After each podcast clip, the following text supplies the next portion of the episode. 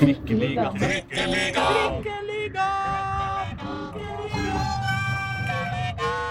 Hjertelig velkommen til Trikkeligaen. Vi er inne i eh, den tredje sesongen. Det har blitt episode 52 nå, og det er Håkon Thon igjen som er vikar for en syk Aslak Borgersrud.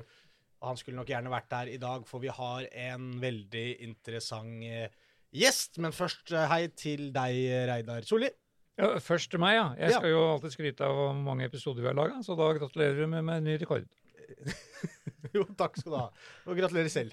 Takk for det. Pål, alt bra? Ja, det går fint. Klar for en fotballprat?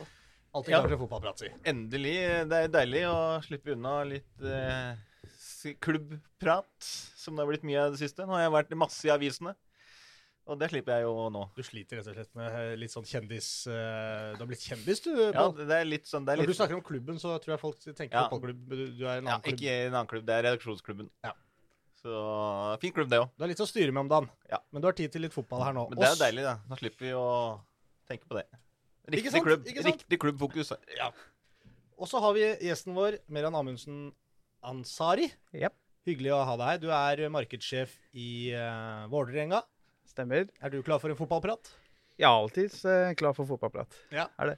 Ja, Vi har fått inn masse spørsmål til deg. Det, det har vært veldig morsomt å se. Det har vært, vært litt av hvert som har kommet inn, eh, ramla inn her. Vi skal, vi skal Ja. prøve å komme gjennom noe av det. Mm. Vi skal eh, selvfølgelig prate mye om, uh, om Vålerenga. Det står en, en ny sesong for døra. Det er uh, spennende tider. Det er interessante tider, som alltid, med Vålerenga når vi eh, nærmer oss vinter- og juletider. Og så skal vi sikkert litt innom VM også, selv om Reidar har eh, proklamert at dette her er VM-fri eh, sone i denne podkasten. Men, men vi må innom litt eh, verdensmesterskap i fotball også, må vi ikke det, Reidar? Ja, vi kan ikke unngå det når vi sitter her den dag hvor eh, det er en historisk VM-kamp mellom Iran og USA, og, og Meran har sin historie. Ja. Selv om du eh, Vålerenga boikotter jo VM i Qatar, og Ja, du har sagt nei til både TV 2 og NRK om å stille opp i sendingene når Iran er med. Har jeg Mm. Ja, blant annet. Mm. Ja, så det har jo sine grunner. Men uh, han er jo primært for Vålinga. Ja, Men det eh, det betyr at det blir spennvidde i denne sendinga her. Det blir det. Vi må jo også innom litt av oppsettene som kommet siden sist vi var på lufta. Ja. For, både for annen og tredje divisjon. Og det som også rører seg bak, langt bak Vålerenga. Det høres veldig bra ut. Jeg er jo en eh, såkalt breddemann, så jeg, ja, jeg kommer til å like meg her, tror jeg. Bra. Og så er det jo den tida av året da, hvor alle er altså Dette er kanskje den beste tida av året, hvor alle er optimister med hensyn til en, en eh, verdens lengste oppkjøring Ja. og treningskamper. Og det er ikke noe alvor før i april. Nei, ikke for sport sin del, nei. Nei, Men men for eh, deg for, eh, for oss som er på gulvet og skal legge til rette for sport, da, så er det, kall det den mest hektiske tida nå. Uten Ja. tvil. Det er avtaler som skal reforhandles. Vi, vi er i budsjettprosesser nå. Det er kampanje på sesongkort. Ja. Vi skal jo liksom, eh, som du sier, vi, vi har trua på en eh, bedre 2023. Så nå er det Optimisten er tilbake. Hva er det som er, beveger seg liksom lengst fram i, i hjernebarken din om dagen? Altså nå er Det som sagt, eh, det viktigste er å komme i morgen med. Vi har jo styremøte på mandag der vi skal på en måte beslutte budsjettet til neste år. Ehm, og den skal jo økes betraktelig, spesielt på marked- og kommersielle delen. Ehm, så der har jo vi ja, eh, våre argumenter for og mot på hvorfor vi skal øke inntektene våre. Det er jo ikke noe tvil om at til neste år så blir det jo Nå kommer jo noen mer interessante lag opp til Eliteserien igjen med både Brann og Stabæk, som gjør at eh, vi må jo tenke allerede nå på hvordan vi skal kalle det toppe det vi gjorde i fjor da, med Lillestrøm og ha fullsatt eh, arena. Ehm, ja, og da går det som sagt Det er jo ny drakt som skal eh, lages, nye sponsorer som skal på plass. Så det er en, eh, en god del, kan du si, disse dagene. Og så i tillegg, da, nå må jeg bare komme inn på det. Jeg skal jo bli far snart. Det er uker unna nå. Ja, ja, det må jubles. Det er uker unna, så jeg begynner å faktisk merke litt presset både på hjemmefronten og på jobb nå. Og det har jeg aldri gjort før, så det, det, er, det er litt hektisk. Ja, ja, ja, Men det en time her eller to, det har vi. Det må er prioriteres. Veldig Ja. deilig. Og, eh, du kommer inn på mange ting som kan være interessant å, å prate litt mer om. Men jeg tenker Mm. aller først er det litt litt ålreit uh, for folk som har skrudd på denne podkasten, og kanskje høre hvem du, uh, hvem du er. på en måte, Hvordan havna du i Vålerenga? Hva er på en måte litt sånn Kanskje si det kortversjonen av Ja, det var det, da. Ja. hvor, hvor lang tid har jeg? Nei, altså kortversjonen er jo at eh, siden jeg kom til Norge da, i 98-99, så har jeg holdt med Vålerenga. Det var liksom første kampen jeg så live i Norge. Var på Ullevål. Uh, flytta til Norge som sagt i slutten av 98 med familie med mor og far og broderen. Bodde i en liten tettbygg i Nesbyen før vi fikk opphold og arbeidstillatelse. Og så fikk vi plass uh, i Løten. Liten bygd rett utafor Hamar. Mest Voks- kjent for uh, Løten. Ja, blant annet. Cowboy Laila, og vi har Ole Ivars her derifra. Nei da, vi har Ole Edvard, Edvard Munch, blant Ja, annet. Edvard- det var det Ja, ja, på. Ådalsbruk, da. Ja, ja. ja. Så Ole vi- Ivars og Edvard Munch. ja der, der har du Ja. Ja, og mer, ja. Og mer, av Nei, og så bodde vi der i ja, tre og et halvt år, som jeg vil da kalle egentlig um, Oppveksten min da var jo der. Uh, ungdomstidene mine, som jeg liksom fikk verdiene og blir integrert i Norge, får venner for, som er vennene mine den dag i dag. Eh, komme i fotballen eh, og få lov til å spille fotball. Hvilket lag var- det man uh, Løten. Altså, det var jo, Det het Løten. Ja, ja, Løten. Eller Løten. Løten. Ja. Nei, vi, vi Jeg så det var en eller annen som hadde stilt spørsmål om Løten òg. Jeg fikk med meg noen av spørsmålene i hvert fall på vei hit. Ja. Men uh, vi kommer sikkert tilbake til det. Uh, så vi bodde der i ja, tipp tre og et halvt år. Så jeg, hadde, jeg gikk på ungdomsskolen der. Og mamma og pappa er jo Eller vi er jo født og oppvokst i Teheran. Når du kommer fra Teheran og til Norge, så blir jo det Det er store kontraster. Er liksom by med 17 millioner, og så kommer du til Nesbyen som var Eller Nesbyen først, da, med 2000 innbyggere. Så da ville de på en måte komme seg litt til en større, større by, og da var det jo Hamar som var naturlig sted, da. Så de flytta dit i 2005 eller 2004. Ehm, og da måtte jeg være med, for jeg skulle studere på katedralskolen der. Eh, gikk idrettslinja i et par år. Så fant jeg min kone nå, eh, kjæreste som vi ble- sammen i 2007, og vi flytta til Oslo etter det. Så siden har vi egentlig bodd i Oslo, til og med fjor, da. Så valgte vi å flytte tilbake til Hedmarken. ja, OK. Så jeg bodde i Oslo i over 13 år, på Oppsal. Stortrives der. Eh, vi, vi må, jeg måtte gi tap for den kampen. Det er én kamp jeg har tapt i år, og det er akkurat når vi, mot henne. da. Det var det å flytte hjem. Så um, Ja, for til Hamar, altså utafor Hamar. Ja, rett utafor Ottestad. Det er der hun har vokst opp. Det er der hun er fra. da. Kjetil Rekdal også der. Det er helt riktig. Han er ikke langt unna. Og det også er litt eh, Det snakker vi sikkert om, da, for jeg husker jo før så man så jo Altså, jeg elska jo Kjetil, for han var trener når han var liksom Vålerenga, og han kjørte jo bilen, Vålerenga-bilen gikk jo forbi der ganske ofte. Så, og han har jo hatt sine timer i bil, han òg. Så, så det er eh, historien kort om meg, da. eh, I forhold til oppveksten og hvor jeg kommer fra. Og så har jeg nå jobba i fotballen i snart seks år. eh, I hvert fall i toppfotballen. Mm. Jeg har jo alltid vært, som jeg sa innledningsvis, engasjert av breddeball og breddefotball.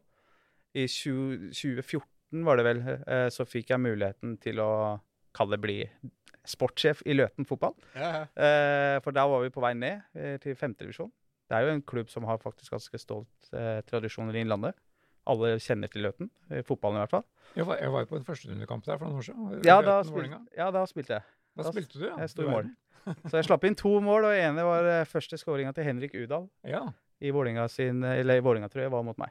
akkurat. Så det var uh, interessant å ta med seg. Verden er liten. Har, har- har han glemt det? Uh, nei, det har han ikke. Vi, vi, vi kommer inn på det. Det er jo tross alt hans første skåring på Vålinga. Da. Ehm, og da var det jo sånn at det var jo litt vanskelig, siden vi bodde i Oslo, å ta på seg verv i Løten, som det er jo to timer unna. Eh, så endte det med at jeg fikk muligheten til å kombinere det med jobb. For jeg eh, fikk jobb i Telenor-butikken på Hamar eller Innlandet og drive noen av butikkene deres. Før fotballen så har jeg jobba i Telenor-systemet i ti år. Mm. Drevet butikker både i Oslo, eh, Jessheim, Sandvika ja, og egentlig vært en som på en måte har alltid vært med å bygge opp butikkene da, til å gjøre det bra, og så leverer man tilbake. Ja, Det er litt sånn det fungerer i Telenor-systemet. Og når jeg fikk muligheten til å bygge Telenor-butikkene i Innlandet da, og være med en del av det, så hadde vi egentlig bestemt oss at nei, nå kanskje timinga er riktig med å flytte tilbake da, i 2014. Så tok vi en runde internt uh, med kona mi, og hun, da hadde hun akkurat fått seg ny jobb i Oslo. Så da var, da var det sånn at nei, greit, du kan bryte jobben din i Oslo, så kan jeg pendle, da. Det kommer sikkert til å gå, Vi kommer sikkert til å gjøre det et par år, bare, så er vi tilbake i Innlandet. Men det skjedde jo så ikke. Så, så jeg har jo pendla siden 2014. Ja. Um, ja, hvis vi er tilbake nå, nå blir det veldig mye fram og tilbake her, da. Men i 2014 så ble jeg som sagt sportssjef i Løten. Hadde noen år der. Uh, både spillende sportssjef, hvis du kan kalle det det. Ja, ja. For jeg, igjen, for meg så har det vært veldig viktig å gi noe tilbake til Løten. da. Eh, Det er der jeg på en måte har røttene mine, det er der jeg har vokst opp, det er der jeg har liksom kjent på verdiene det å være norsk. Og da når jeg tok på meg vervet, så visste jeg egentlig ikke hva jeg gikk til. Det var jo lidenskapen jo. man er jo engasjert av å drive med fotball. Så tenkte jeg ja, dette kan være en fin vei inn i toppfotballen, eller på sikt, da. Og på tre år så rykka vi opp vel fra å nesten rykke ned til ja, femte eller sjette til å etablere oss i tredje driv. Mm. Så det var en, eh, det var en eh, enorm reise, da, som jeg ikke ville vært foruten. Vi, ja, vi engasjerte lokalsamfunnet, vi lagde så mye hysteri rundt en liten fotballklubb som ble nesten mer skrevet enn HamKam, som på en måte var flaggskipet. Gikk litt utafor boksen. Eh, dere, hva gjorde dere sånn helt konkret? da? Har du liksom en sånn historie om noe Ja, altså den? Kall det den største historien som går den dag i dag. Altså, vi, vi var jo liksom kjent for kanskje å bruke litt penger, litt midler i breddeball. Ja. Eh, og så er det jo sånn at eh, det var jo ikke mye penger som ble brukt. Litt var det jo, men det måtte jo kompensere når du henter inn såpass store profiler som har spilt høyere opp. For meg var det så viktig å samle egentlig alle vennene mine og alle kompisene mine tilbake og komme seg tilbake til røttene. da. For Løten har produsert ganske mange gode fotballspillere opp igjennom. Og flere av dem spilte på naboklubben i, i og rundt Hedmarken. Eh, så var det sånn, vet du hva, den prosjektet her skal vi gå for sammen. Det er ikke bare meg. Vi skal samle hele, hele teamet en siste dans, kan du, kan du si da. Og fikk henta inn ganske gode spillere som er fra Løten, eller som er fra området eller fra Innlandet. Og da husker jeg var vel i 2016 så ble det ganske stort avisoppslag Innlandet eh, eller på sosiale medier. Altså gikk alle klubbene mot meg som klubbleder. Dere bruker så mye penger. Eh, dere gjør det helt umulig for oss aldri å drive på. Og så videre så videre. Så husker jeg bare tenkte faen eller la oss prøve å lage litt moro ut av det. Mamma og pappa var, dette var litt timing, og de hadde akkurat vært i Dubai, for det er nabolandet til Iran. Besøkt familiemedlemmer og sånn der. Og da sa jeg til dem du, kan ikke dere kjøpe med en sånn shake-kostyme til meg, da? eh, vi har serieåpning om to uker rett før dere kommer hjem. Jeg har lyst til å bare gjøre det litt morsomt ut av det.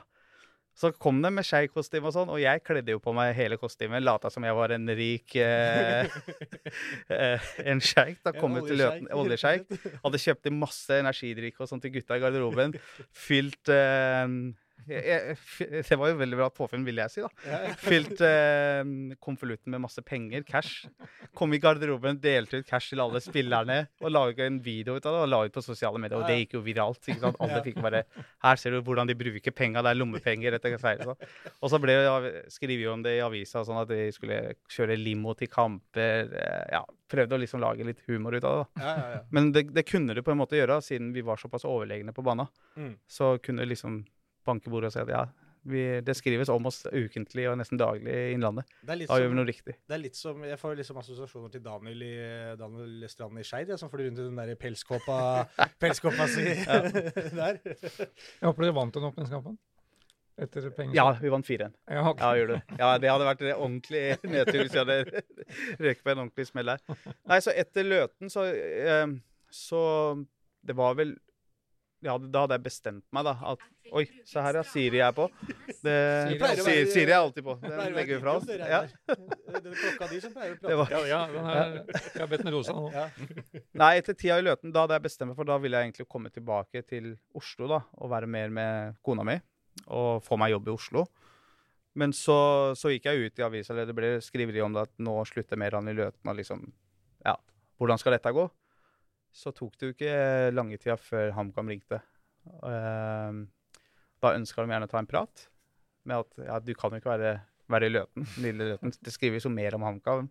Du må, har du lyst til å jobbe i fotballen? Ehm, ja. Nå må den, timingen var riktig, da. Og så var det liksom noen synergier som var veldig passende, for vi hadde den største sponsoren til, eh, til eh, HamKam. Det var jo der jeg jobba, altså CC Stadion. da. Mm. Der eieren der eh, var veldig pro meg. Pga. hvordan jeg var i både væremåten, hvordan jeg utførte jobben min på Telenor-butikken og hva slags vekst vi hadde. Så ble jeg jo kåra til årets ansatt på senteret da, blant 700 ansatte. Og da var det liksom De hadde gjort hjemmeleksa si og liksom hadde, Når jeg skulle liksom få tilbudet, så hadde de skissert alt på hva jeg hadde gjort gjennom min karriere. da.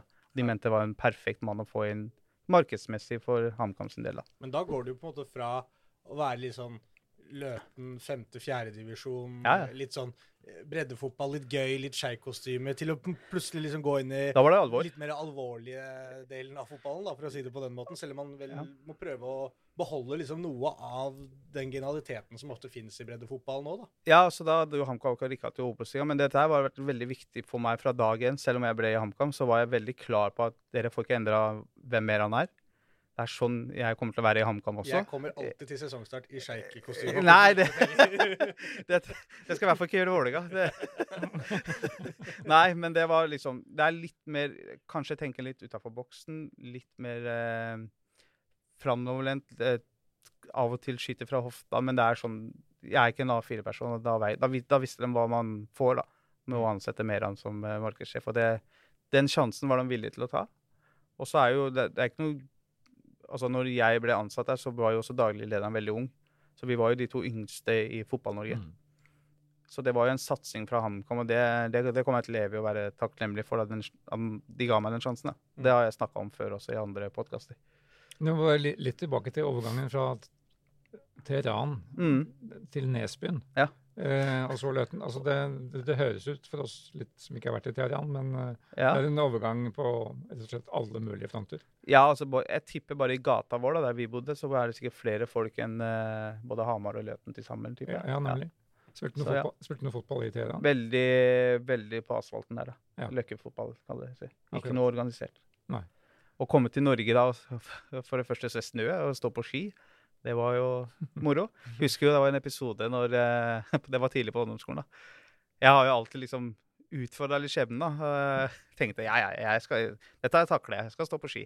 Det var jeg på Budå, det er jo ikke det bratteste bakken eller noe sånt. Og da husker jeg, jeg tryna jo sikkert 100 ganger før jeg kom ned i bakken. Og uka etter så skulle hele klassa til eh, Trysil og stå på fjellet der. Det var én person som ikke fikk være med, og det var meg. For det var livsfarlig, mente de. Og det kan jeg ikke skjønne den dag i dag. men, men eh, nå har jeg blitt helt OK i det, så jeg klarer å både stå langrenn er helt OK, og ja, vanlig slalåm og sånt. Så det, det er moro. Ja, for jeg så et annet sted at du, altså Begrepet dugnad det kjente Ja. du ikke til før du kom til Nei, det gjorde jeg ikke. Og det fikk du vel praktisert da Veldig. i høyeste grad på Løten. Ja, det, dette her går igjen da på at det var i Løten jeg fikk på en måte de verdiene man får, da. Mm. og hva det er og egentlig hvordan, det er, hvordan ting fungerer i Norge. Uh, og alt forhold til likestilling, likeverd. Altså det, det har man jo ikke hørt om i Iran. ikke sant? Nei. Og det ser man jo den dag i dag på hva som foregår der. Det er først nå man har egentlig tatt tak i det og liksom ønsker frihet. Så det, Og det er igjen, det er jo en sånn person at hvis man eh, Hvis det er noen som har gjort noe for meg gjennom åra, så skal jeg alltid gi noe tilbake. Og gange ti, liksom. Og sånn har jeg vært overfor Løten som fotballklubb. og sånn jeg har aldri lagt skjul på hvor jeg er fra, liksom, selv om det er en liten bygd. sånn, Jeg har bare bodd der i tre år. Jeg har som sagt mine aller beste, nærmeste venner og familie er derifra. Så ja. Ja. Selv om Oppsal er veldig fint, det også. Det må vi ikke glemme. Den, den minner meg om litt, for det er jo ikke langt ikke sant, til Marka fra Oppsal. Jeg bodde jo på Solbergveien, Mm. så det er liksom rett utafor. Det samme med Grydeland. Han er vel Ja, det er. Han holder vel den klubben Ja. oppe også. Riktig. Det gjør- Høvding kan gå i, Ja, ja. finne på å gå i sjeik-kostyme. Kanskje han har kan fått noen ideer nå til å åpne sesongåpningen eh, Hvem blir neste sjeiken? neste år. Men Ja. da havner du etter hvert i Vålerenga, da. Hva er uh, greia der? Eller hva, som du sier, du var jo Vålerenga-supporter. Ja. Husker du den første kampen du så på Ullevål? i- Jeg lurer på om det var med Sogndal. Ok. I 2000 Jeg tror det er 2000. Jeg er litt usikker. Jeg har prøvd å liksom Minne 9, tilbake. ti eh, Jeg var 11 år. eh, Elleve år, ja. Ja. ja. Ja, Ja, det det, skal vi, det skal vi finne Ja, det må vi finne ut av. Ja. For det, jeg var da med min eh, Som er da min forlovede bestevenn og Øyvind, da, som vi var, han tok med meg på kamp. Han Ja. og familien hans. Ja. Så Nei, det, det, var, det var moro. Som elleveåring, da, da sitter inntrykkene. Ja, det er jo litt sånn samme greiene ikke sant, som, går, som, har, som jeg har vært veldig klar på når jeg kom i Vålerenga. Hvordan skal vi kalle det, gi det tilbake til de som er unge nå, da? De som er 10-11 år nå. Hvordan, hvilken, eh, hva er det de skal sitte igjen med når de forlater stadion? Eh, hva er det som skal være snakkisen hjemme? Mm. Når, når en kall det liten kar fra Iran klarer å få det til Løten, så kan vi jo gjøre det samme i Oslo. Så, ja. Men tilbake til det du spurte om til Vålinga da. Jeg var jo faktisk nære på å signere for Vålinga i 2019. Eh, da kom det liksom via via at jeg burde søkt en jobb. Søkte jeg på jobben, så fikk jeg ikke jobben. Uh, Etter mye fram og tilbake, vel å merke. Ja. Det var ikke sånn at de bare avviste meg der og da. Nei. Eh, For det var helt noe annen stilling og helt noe annen rolle enn det, det jeg har nå.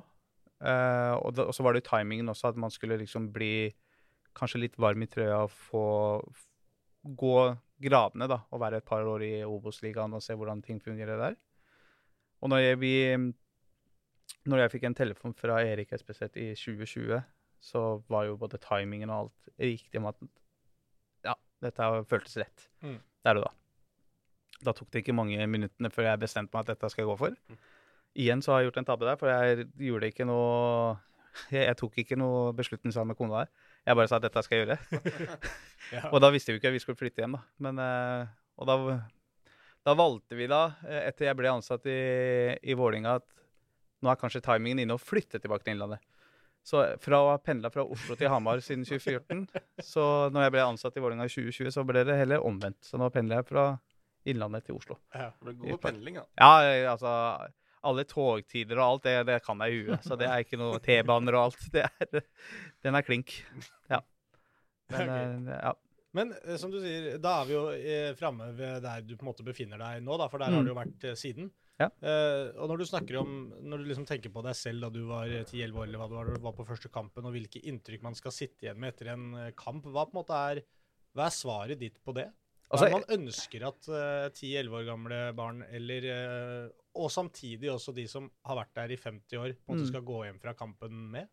Det er den derre gleden, kameratskapet altså du, du skal liksom på en måte Det skal være en happening. Du skal ikke være avhengig av eh, resultatet på Selvsagt, det er jo dritmoro å vinne kamper, og du får jo helt noe annen følelse på kroppen. Men det å oppleve rammen rundt, det å liksom få oppleve supporterne synge og folk Altså nå Kanskje vi ikke, ikke skal nevne Piro her, men det å se liksom pyrobilder, det å liksom kjenne på det, da. Mm. Og nå er jo, nå er jo Intility bygd sånn at det, du merker jo veldig på kroppen når supporterne våre synger, når det blir en nærmest fullsatt arena. Da, da, da kjenner du på det. Og det, det tilbakemeldingen får vi fra mange andre også. Og det er den på en måte som jeg ønsker nå at liksom barna skal ha med seg. Da. Og det, det ser vi også, det har vi lykkes med eh, til et visst punkt nå. Så kan det alltids bli bedre. At liksom Nå har det blitt snakkes i skolene, folk har lyst til å komme tilbake. Barna syns det er liksom høydepunktet er å dra søndag på Intility, for da, da er det show på tribuna. Mm. Uavhengig av om man skal vinne eller ei. Ja. Og det, det er med fans som gjør det utafor arenaen, bare vil legge til rette for barn og unge. Triksekonkurranse. Altså det er så mye, da. Vi må, vi må liksom ikke glemme at en ting er den harde kjernen som står på blokka, som gjør en fantastisk innsats, men det er jo tre andre tribuneseksjoner vi også skal selge ut etter hvert. da. Som er familier, som er kanskje noen andre som ikke absolutt må stå i blokka. da. Og det er liksom det å ha Legge til rette på hver og enkelt, det er viktig, da. Og det, som sagt Jeg føler vi har starta en trend, og så får man jo bare egentlig utvikle det videre. Det er jo det som blir neste nå. Hvordan skal vi toppe det her videre?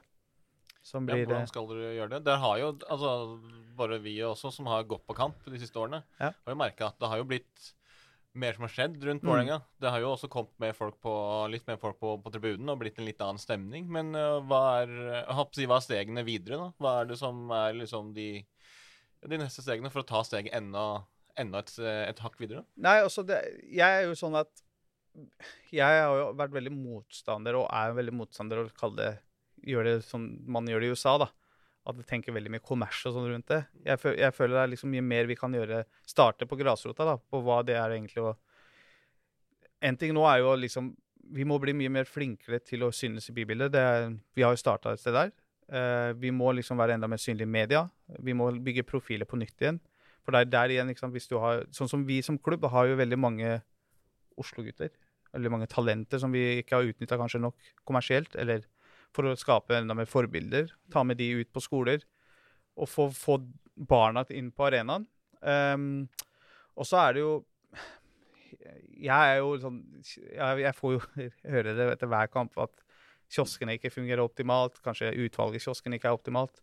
Å tenke litt mer utafor boksen der Det er noe vi allerede starter med. Det er noe som jeg har tatt tak i nå. Som jeg, jeg kan ikke røpe hva det kan bli, men eh, det kommer til å komme noe nytt der til neste år. Hadde ikke vi et forslag her da vi hadde Marius Helgo på besøk, at eh, de kanskje kunne begynne med kebab på eh, Intility? Bare fordi vi følte at det var riktig liksom, Det hadde passa der, da. Høres ut som dette er sponset av Folkets Kebab, men det er det ikke. Men vi var i dialog med Folkets Kebab, som skulle Ja, den, ligger jo rett ved Ja, ja. De, de har jo vært i fans om noen tilfeller i år. Ja. Og så prøvde vi å utforske og få dem på Østblokka. Ene kiosken i Isbort, men det var noe med ventilasjon og sånn å gjøre.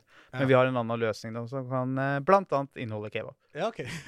så vi får bare vente og se. rett og får bare vente og se. Vente og Vi se. har ikke Nå må- Nå må vi bare skyte inn ett kjapt spørsmål som vi har fått på Twitter om akkurat det. Fra Kald Kaffe. Som, som spør da Er det egentlig noe reglement imot salg av lettøl, 2,5% i kiosken på fotballstadioner?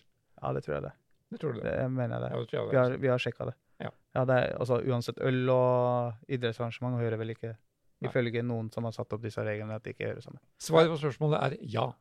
Men det var, var det ikke et annet spørsmål der også? Var det noen som lurte på om ikke det var mulig å få ølsalg på, på Østblokka? Men jeg vet liksom ikke Det er sånn Det er jo Jeg har jo sett i f.eks. ishockey, for eksempel, Ja. så er det jo flere ishaller nå som har på en måte Det eh, utsalg av dette her. Hva er det som er for, liksom, Altså, vi har jo, vi har jo salg på kall det vippen vår, på hengeren og sånn. Konseptene, der, har vi, der selger vi øl. Ja. Og så er det jo sånn at det er jo ikke noe tvil om at Øst er jo der for supporterne. Altså Det er jo supporterpuben vår. Og mange av de er jo der nede og drikker øl. Det er jo egentlig det, lurer på, det han lurer på, er jo liksom om man får kjøpt det når man først har gått inn på Ja. selve stadion da, under kampen. Og det er noe vi prøver å jobbe med nå, se om det finnes en løsning. Men det sitter så langt inne at det, dessverre så tror jeg ikke det er håp. Altså. Ja. Men Jeg, jeg synes det er sånn, ah, det er sånn litt interessant akkurat det der, for at i og med at hockeyen på en måte I Askerhallen så vet jeg at ikke sant, de har, har noen restauranter og sånne ting som du Ja, men det er liksom VIP-konseptene deres, da. Ja, ja, ikke sant? Men, men i Det DNB samme er jo Arena i Stavanger så har de liksom restaurant Mm. hvor alle som er på tribunene, kan gå og handle. på en måte. Og de har fått godkjent dette av kommunen og noe greier. da, Og ikke det er liksom det som er litt interessant her, fordi VIP-områdene er jo gjerne kanskje litt avskjerma. At Ja, der må du jo ha eh, spesielle ting for å komme inn. Mm. Mens eksempel ja, i Warner Arena sånn, så er liksom restaurantene er jo, si, åpent. Det er altså sånn som vi, altså Når vi jobba der som presse, når jeg jobba i Rogalandsavis, så måtte vi jo gå gjennom det området for å komme til pressetribunen, f.eks. Mm. Og det er liksom Der er det eh, Altså Hvis det er den tanken om at du skal sånn skjerme barn og unge, sånn, så er det jo liksom Altså Store deler av DNB Arena er jo fylt opp med det. Og det er jo sånn, sånn selvfølgelig i motsetning til alle andre klubber, da, i hvert fall i ishockey, så tjener du kjempemye penger på det. Mm. Og det Det er ingen tvil om at ølsalg hadde gjort at inntektene for det Altså, Der må jeg komme inn, da. For vi som klubb, da, eh, når man tenker kommers på dette her, altså Vålerenga fotball elite, vi har ikke så veldig mange områder å på en måte tjene penger på. Utenom vanlig sponsing. Mm. Eh, for vi, har, altså, vi eier jo ikke varemerker sjøl. Altså, om vi selger drakter og sånn, så er det ikke Vålinga elite som tjener de penga. Vi har ikke ølsalg. vi har Kioskene våre er jo til klubb og bredde. Det er egentlig billettsalg og vanlig, tradisjonell sponsing. da. Vi har ikke en arena der vi kan ha masse konserter og sånt. Altså det er, så det gjør det at det blir svært begrenset på hva, hva slags muligheter vi har òg. Og der blir man jo hele tida nå føler jeg man blir jo sammenligna med de andre klubbene som er liksom De ligger jo litt annerledes til enn Vålerenga. Ja. Så da måtte jeg bare skyte inn det. Men jeg syns det er sånn, eh, interessant også med Nå diskuterte vi liksom det ene øyeblikket noe triksekonkurranse for barn, og det Ja. andre øyeblikket ølsalg for voksne. Men det er det å ha tilbud til hver og enkelt. Ja, da. Det er viktig. Ja, det er akkurat det, men jeg synes det er sånn, noen ganger så er det litt sånn, virker sånn vanskelig å balansere akkurat Mm. det der. At du skal på en måte gjøre to så vidt forskjellige er grupper med mennesker fornøyde. da, at liksom, Mm. Hvordan skal vi gjøre dette på en måte Hvis du bare skulle vært opp til å være liksom en gøyal fest for voksne folk, så er det bare sånn OK, vi må bare bruke alle ressursene vi har på å prøve å få tak i ølsalg og prøve å få gjort dette til en sånn kul greie for voksne. Men så Mm. skal du ha en barn der også. Så det er liksom sånn så skal du prøve å ikke bli for mye av det og nok av det andre også. Det er litt vanskelig akkurat den balansen der. Ja, det er det. Og så er det jo sånn, sånn som i år, da, så har vi prøvd nå i 2022, um, spesielt med fanzone, da, det som skjer utafor, så har vi på en måte hatt forskjellige konsepter. Noen av konseptene er rett og slett rett, retta mot barn. Mm. Og så har vi hatt voksenfanzone, der Øst utvider området med skjenk og grilling og litt mer. Og det ser vi at begge to har funka veldig bra. Men det er liksom det å klare å slå de sammen, det, det kommer ikke til å gå. For det er jo noen kamper som går seint, for da er det ikke egna til barn. Og så er det noen kamper som går tidlig, som er mer familievennlig, da. Og det er jo derfor vi også har liksom seksjonert det nå. Liksom, vi har jo familietribunen, som er på Oslo Taxi, og så har vi Østblokka, som er litt mer for voksne syngende, som har lyst på den ølen to eller ti, da. Så den har vi nå Det er de, de, de konseptene som vi må jobbe mer med, da. Mm. Og legge til mer til rette til hele familien. Men det aller viktigste for folk som kommer, det er jo i bunn og grunn det som skjer på banen. Uten tvil. Ja. Og det er det for oss også, altså vi som Nemlig. jobber med dette her.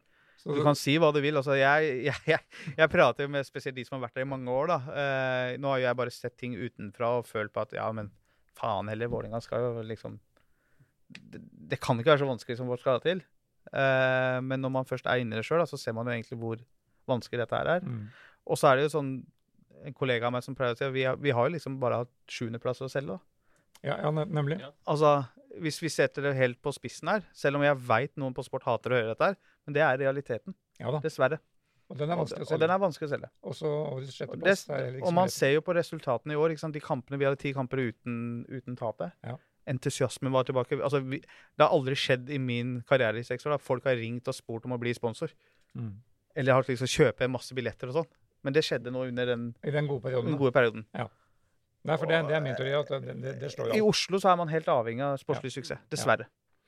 Ja, for jeg ser dere havner på merker jo vi òg på, på interessen for Vålerenga. Ja, ja? Når Vålerenga gjør det bra, Mm. så er det jo kjempestor interesse. Og det er liksom, men s- så er det liksom den derre opp og ned og litt fram og tilbake, og så ender man på sjuendeplass. Ja, ja. Og har vi vel eh, Nå ble det jo sjette i år, da, så det, vi har, eh, her må vi bare bruke alt for å feire.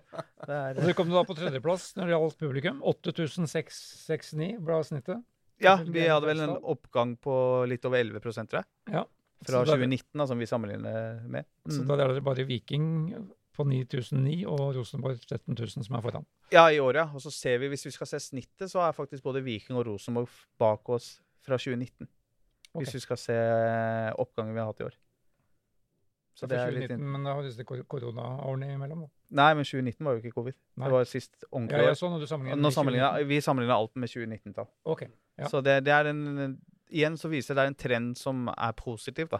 Mm. Og så er det som jeg pleier å si det, altså Roma ble ikke bygd over en natt, liksom. Selv om no, i fotballen så er det sånn hele tida til og fra. Du må, du må Det er ikke like lett å tenke kanskje langsiktig. Eh, det er det ikke. Altså- Men eh, Ja, så øh, Det var jo årets seier da, at du vi klarte å fylle stadion mot, øh, mot- mot for første gang siden åpningskampen mot Sarpsborg. Ja, og jeg hører jo rammene var jo helt Altså, det, er, det, det trenger ikke å legge skjul på at rammene mot Lillesund var jo helt annerledes enn Ja. Sarpsborg-kampen. Det er klart det. Og, det, og der igjen, nå har vi på en måte Nå har vi brytt en barriere å fylle stadion.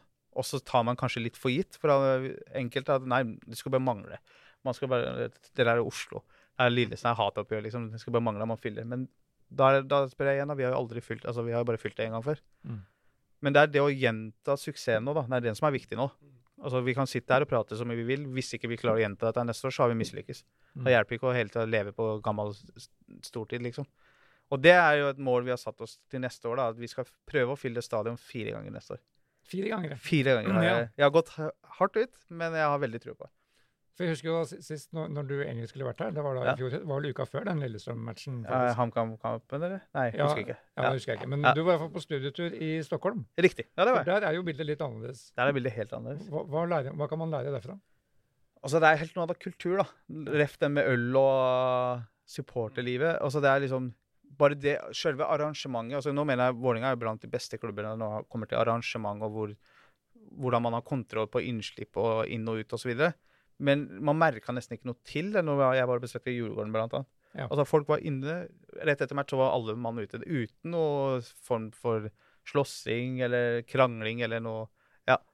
Og stemninga der alle står og synger med Altså, nei, det var helt noe annet. Men det, det har de jo også brukt litt tid på, da. Ja da. De har bygget det over år, og så er det jo sånn Stockholm er jo Det er jo veldig mange andre toppklubber i Stockholm da, som gjør Ja. at eh, Kall det Det blir mer kamp om billetter, og det blir litt mer hatoppgjør, da. Det mangler vi i Oslo nå. Det er ingen Ja, tvil vi om har jo både AIK og Hammarby der oppe. Og, Det er akkurat det. og Drammaparkerne kommer opp, tror jeg. Ikke sant? Og det er liksom Ja, Djurgården Det er noe vi mangler. Opp og, tilbake litt. Ja, de gjør jo det. liksom, de også. Ja, ja. Det er noe vi mangler her i Oslo. Det er jo å få opp eh, Nå, kommer jo, nå har de jo rykka opp med Ja, de skal jo spille mot Post Nordligaen, laget vårt til neste år, da, Lyn. Det er liksom det vi mangler litt nå, føler jeg. Ja. Det er det siste som hadde på en måte Da hadde jeg tenkt ok, da er, da er man litt tilbake til gamle dager. Hvem hadde vært den optimale byderby her, da? Nei, det er jo Vålerenga Lyn. Det er jo det. Ja, ja. Ja. Nei, ikke noe annet. Altså, beklager for dere som hører på fra Grorud og Koffa og sånn. Det, det går ikke an å sammenlignes. Såpass ærlige må vi være. Ja, da, for det var jo 20 000 på de oppgjørene for eh, Ja. ikke så forferdelig lenge siden. Ja, og det ser du liksom på noen av cupkampene vi har hatt da, i åra. Ja. Siden de rikkene, så er det jo fortsatt bra med folk der. Mm. Jeg, eh, jeg tror ikke vi får samme tilskuere når vi møter Grorud eller Koffa liksom, i cupen. Det tror jeg ikke. Og all ære til de to klubbene som har gjort en kjempejobb. Nå følte jeg vi glemte Skeid. Vi må huske å ha med Skeid òg. Så han Daniel plutselig går ut og Ja, for det, for det der Slakter oss. kommer jo også igjen den historiske biten inn, inn Ja. igjen. Så tror jeg kanskje det er like, hadde vært like mye hvis Vålerenga hadde møtt Skeid. Ja, det er sant. Fordi det er Jeg glemte så- dem helt i ja, forbifarten. Ja, men du nevnte jo Daniel. da, Han legger merke Ja, til ja han, han legger merke til det. Så det var ikke meningen. Daniel, Men- hvis du men- hører på. Men han har da, mm, har da en teorien Han, han har jo studert publikum i Ja, det har fotball uh, lenge. og Ja. skrevet en oppgave om det. Mm. Og hans konklusjon inntil til arena var vel at den var for svær. At det ble Ja. for svær, sånn at den, den burde vært utsolgt flere Det- ganger. Ja, altså det, Nå har ikke jeg vært med å bygge dette eller tenkt tanken sjøl, men man har jo alltid drømt om å spille i Europa hvert år og Ja. vinne medalje. Altså, jeg mener at hvis Vålerenga kjemper om topp tre hver eneste sesong, så kommer man Da er ikke stadion der svær, nei. Det er den ikke. Nei. For da kommer du til å ha mange kamper over 13 000 på arena, og da føles det fullt. Da er det kamp om plasser. Og dette er litt av den Kall det taktikken vi kjører foran årets sesong er at vi skal ha free seating nå for å skape knapphet, for at folk skal komme tidlig på kamp, og for at vi kan se noe sånn som vi gjorde med Lille- Lillestrøm, og selge ut kampene.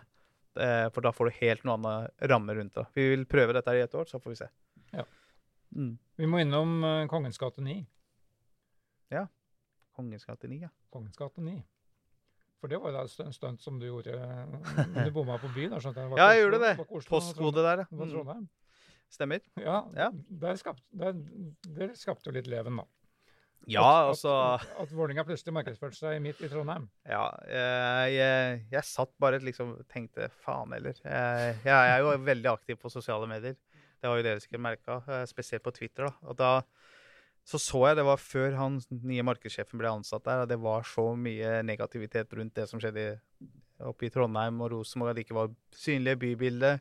Så har du supporterne våre som alltid liksom bare for å komme med en liten stikk, ja, se hva Vålerenga gjør, synlige bybiler på T-baner og så videre. Så kom jeg på at ja, men det må jo, Clear Channel må jo ha et eller annet skjerm i Trondheim òg. La oss bare se på muligheten, da. Det var litt kreativt der og da, så tenkte jeg ja, det lar seg sikkert ikke gjøre. Men det skader ikke å ringe, som jeg, ja, som jeg pleier å si. Og så gikk jeg på hjemmesiden Clear Channel og sa at ja, her var, det, her var det en stor skjerm midt i sentrum der. Ringte jeg vår kontaktperson der og spurte du, hvis om enn vi skal gjøre en støtt, er det innafor reglementet? Er det og han bare ja, jeg må gå en kamp og jeg må, jeg må ta en runde internt først. Og da kommer han raskt tilbake. Ja, men det er jo ikke noe altså det er jo ikke noe kall det eksklusivitet hvis Coop har lyst til å reklamere deg, eller hvis det er uh, Kiwi, liksom. Så Mm. selvsagt kan dere gjøre hva dere vil. Tenkte jeg bare jøss, da Her må vi bare, i stedet for å liksom lage noe nytt, eller sånn, bare kjører vi østblokka der oppe, da. Så sendte jeg av gårde. Og, og har, vi har jo blitt kritisert, for det er jo mange som tror at det har kosta oss enorme summer. Men uh, vi kan jo avsløre at det har ikke kosta oss noe som helst. Det har, uh, dette er rett og slett en uh, samarbeidspartner av oss som valgte å bli med på leken. Og det, det ble jo skriveri uten like, og det ble, fikk jo sin oppmerksomhet. Og så fikk vi jo en tilbake fra, fra dem da på Ja, og det var jo da ikke i Oslo. Det var selvsagt ikke i Oslo. Det, altså, vi, vi, tenkte, vi, vi sa det på kontoret at hvis de kommer til å slå tilbake, så kommer de sikkert til å kødde med at vi er fra Toten eller et eller annet. Og det skjedde jo. Så det var ja, det var humor i det, men uh, de kunne ha gjort noe bedre, spør du meg. Men du er, jo ikke, uh, du er jo ikke fra Toten, du. Men du er jo ikke Nei, sånn kjempelangt unna. Nei, nei, nei, jeg er jo- Du heier jo på Vålerenga. Selvsagt. altså, men det er, jo, det er jo noe med det. Altså, vi Ja. vet jo sjøl, som klubb. Altså, du ser jo på de arrangementene vi har hatt på Gran eller på Hadeland. Mm. Det er jo kjempemye folk. Mm. Og vi Det er en uh, fordel med Vålerenga. Vi vi er hele Østlandets klubb.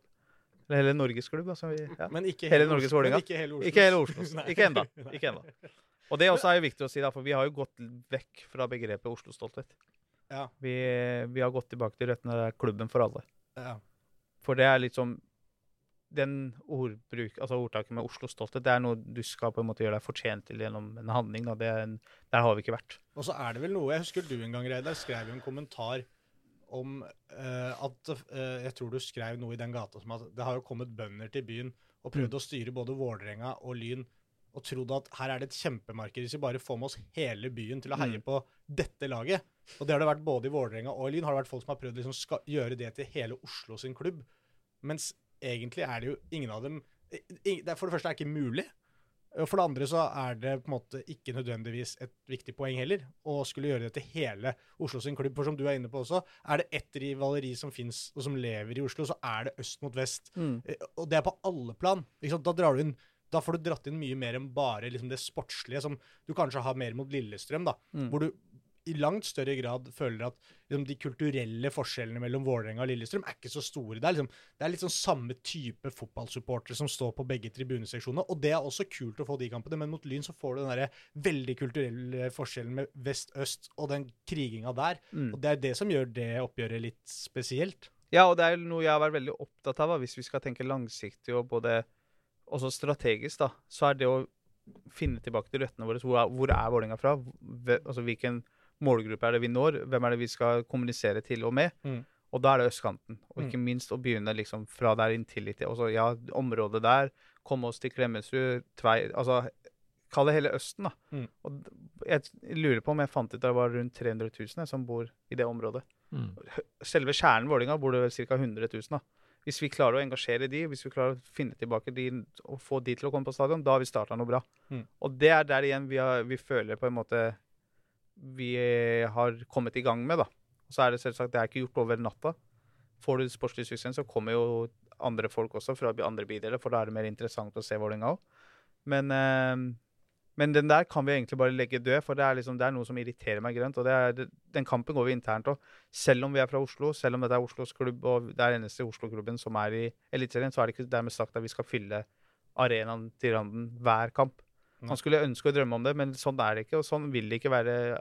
Det er som at Chelsea for eksempel, skulle ha hatt nesten en million innafor porten. Altså, men det, altså, for å sette det det på spissen, da. Altså, Lyn ja, Ja. rota seg borti samme da de, da de var eh, Mm. høye og mørke for, eh, for noen tiår siden. Ja. Da skulle det også være hele Oslos lag. Ikke sant? Og da var det jo noen av oss som prøvde å fortelle at det Ja, går jo ikke. Det går ikke. Det, det går bare ikke. Og så tror jeg jo uh, tror jeg jo det ligger Hvis man skal prøve ikke sant? Du tenker markedet, hvis du klarer å få med hele Oslo, er jo enormt. Da har du Mm. nesten 700 000 mennesker.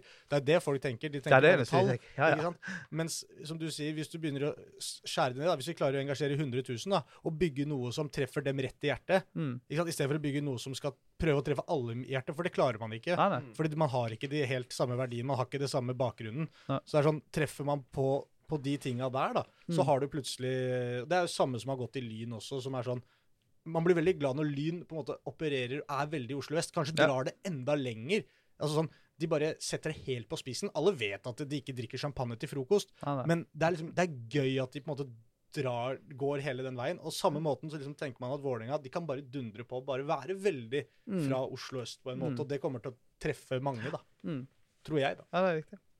Skal vi rekke noen spørsmål her, da? Prøv det, Eh, de, de må I og med at vi har bedt, bedt uh, våre trofaste lesere eh, stille spørsmål, så får vi jo slippe til. Mm, Førstemann er selvfølgelig da som vanlig Skeid-oksenes eh, Jonny Nordmann Olsen. Savner han Løten fotball? Det får, føler Ja. vi at du har svart på Ja, det har vi jo. ganske grundig. Ja. To, hvilke erfaringer tok han med seg fra jobben som shopmanager på Jessheim, Sandvika, CC Stadion og Kremmertorget på Elverum? Ja, han har fått med seg litt, han da. Ja, Ja, nei, altså erfaringa, det er det er det å til, altså, til enhver tid være på og være service-minded. Og For det er liksom der kunden kommer i, i sentrum da, når du driver en butikk. Ja. Og samme er det med fotball. da. Det er supporterne som skal være i sentrum. Og det Så har jeg tatt med meg Jeg har jo vært leder i alle de butikkene jeg har vært, og det har jo hatt mange ansatte under meg. Og det har jeg føler jeg at jeg har klart å ta meg til Vålerenga, med det teamet jeg har rundt meg nå. Du står ikke fram som en veldig brautende leder, tror jeg. Nei, altså, jeg, jeg har jo tittelen markedssjef, men jeg er jo ikke noen sjef. Eller jeg har aldri likt å kalle meg sjef. Eller jeg, jeg vil kalle meg en OK, noenlunde OK leder. For det er liksom man skal Ja, man skal Vi er et team. Om det er på banen eller utafor. Og jeg må Jeg vet ikke om vi kommer inn på det etterpå, men jeg, jeg får jo veldig mye eh, kreditt for Altså god For at liksom man legger ned Alt går via meg, osv. Men eh, jeg hadde jo aldri klart å gjøre den jobben hvis ikke jeg hadde et team rundt meg. Nei. Og det, det føler jeg vi har, vi har fornya oss og foryngra oss kraftig. Og med de folka vi har fått inn i klubben nå, så står vi veldig sterkt. Ole Kristian Sandvik spør. kjent Jeg vet ikke hva, hva som ligger i det, men eh, det vet kanskje du. Hvilke tips vil han gi til Meran anno 7.2.2020? Ja, det var jo da jeg ble ansatt, det. Ja, det var kanskje Ja, OK. Ja, nå skjønte jeg. Ja, ja. Oi. Eh, tipset er jo at Ikke tro at du kan bare få deg venner i fotballen. Det er en ganske grei tips, tror jeg. Ja. Og Ja. Nei, det, det tror jeg faktisk det er. at, at du ikke kan få deg venner i fotball? Ja, altså Ikke tro at du bare får deg venner i Ja, sånn, ja. At du, kommer du også kommer til å få en del fiender òg. Ja. Eller noen som ikke på det. Ja, vær forberedt på det. Ja. Løke spør. Det opplyses stadig at kassa i klubben er tom i mediene de siste dagene, og at klubb må selge spillere hvis de skal, hvis de skal forsterke troppen. Er det da en god drift i klubben? Alle veit jo hvordan det har vært i VIF opp mellom, opp igjennom, med innsamlingsaksjoner osv. Hva er status nå? Hva kan du si om det? Altså, Jeg tror ikke jeg skal si så mye om forhold til klubbdrift og hvordan vi driver som klubb, men eh, det er jo ikke noe tvil om at vi har jo kall det økt inntektene våre betraktelig de siste årene i forhold til hvordan det var igjen i 2019. Og det ligger an til å få en enorm økning til neste år også. Og så er det ikke noe tvil om at vi har jo vært litt eh, kanskje avhengig av vår eier eh, til å Mm. være med å dekke litt underskudd her og der. Eh, men det har vi jo vært uten siste årene. Eh, så får vi jo se hvordan ting ser ut i år, da. Men jeg tror ikke Jeg tror, ikke, jeg tror alle skjønner at vi har jo brukt bra med penger i år, spesielt på sport. da. Mm. Vi har jo investert for framtida, og det koster. Og igjen, uten å egentlig mene så mye om det, så er det jo viktig å si at når vi jobber i en fotballklubb, så må man jo kanskje også ta med Man må jo budsjettere med spillere, for det er jo det vi skal jo utvikle spillere. Og da må vi jo regne med at noen av de kommer til å bli solgt. Vi får ikke beholdt alle. Men det var jo en VIF-båt her for noen dager siden, så, og da sa jo Fagermo klart at uh, her kan de ikke kjøpe noe som helst før man eventuelt får solgt den. Det er riktig. Så det, det blir spennende.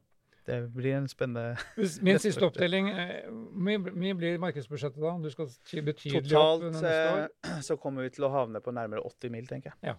Vel, Både privat og bedrift, ja. tok da en kjapp opptelling. Nå er det 77 bedrifter, fant jeg på lista Ja, er over firmaer som er inne. Ja, det er helt Da er jo vi en av dem. Ja. Se, vi er eh, kategorisert som sølvpartner. Ja. Hey. Visste Ja, ja, det, er gutter? det. Ja, det visste jeg faktisk. for Vi var jo på kamp. Må oppgjøre det til gull nå, da, så kanskje vi vinner gull på Vanavia.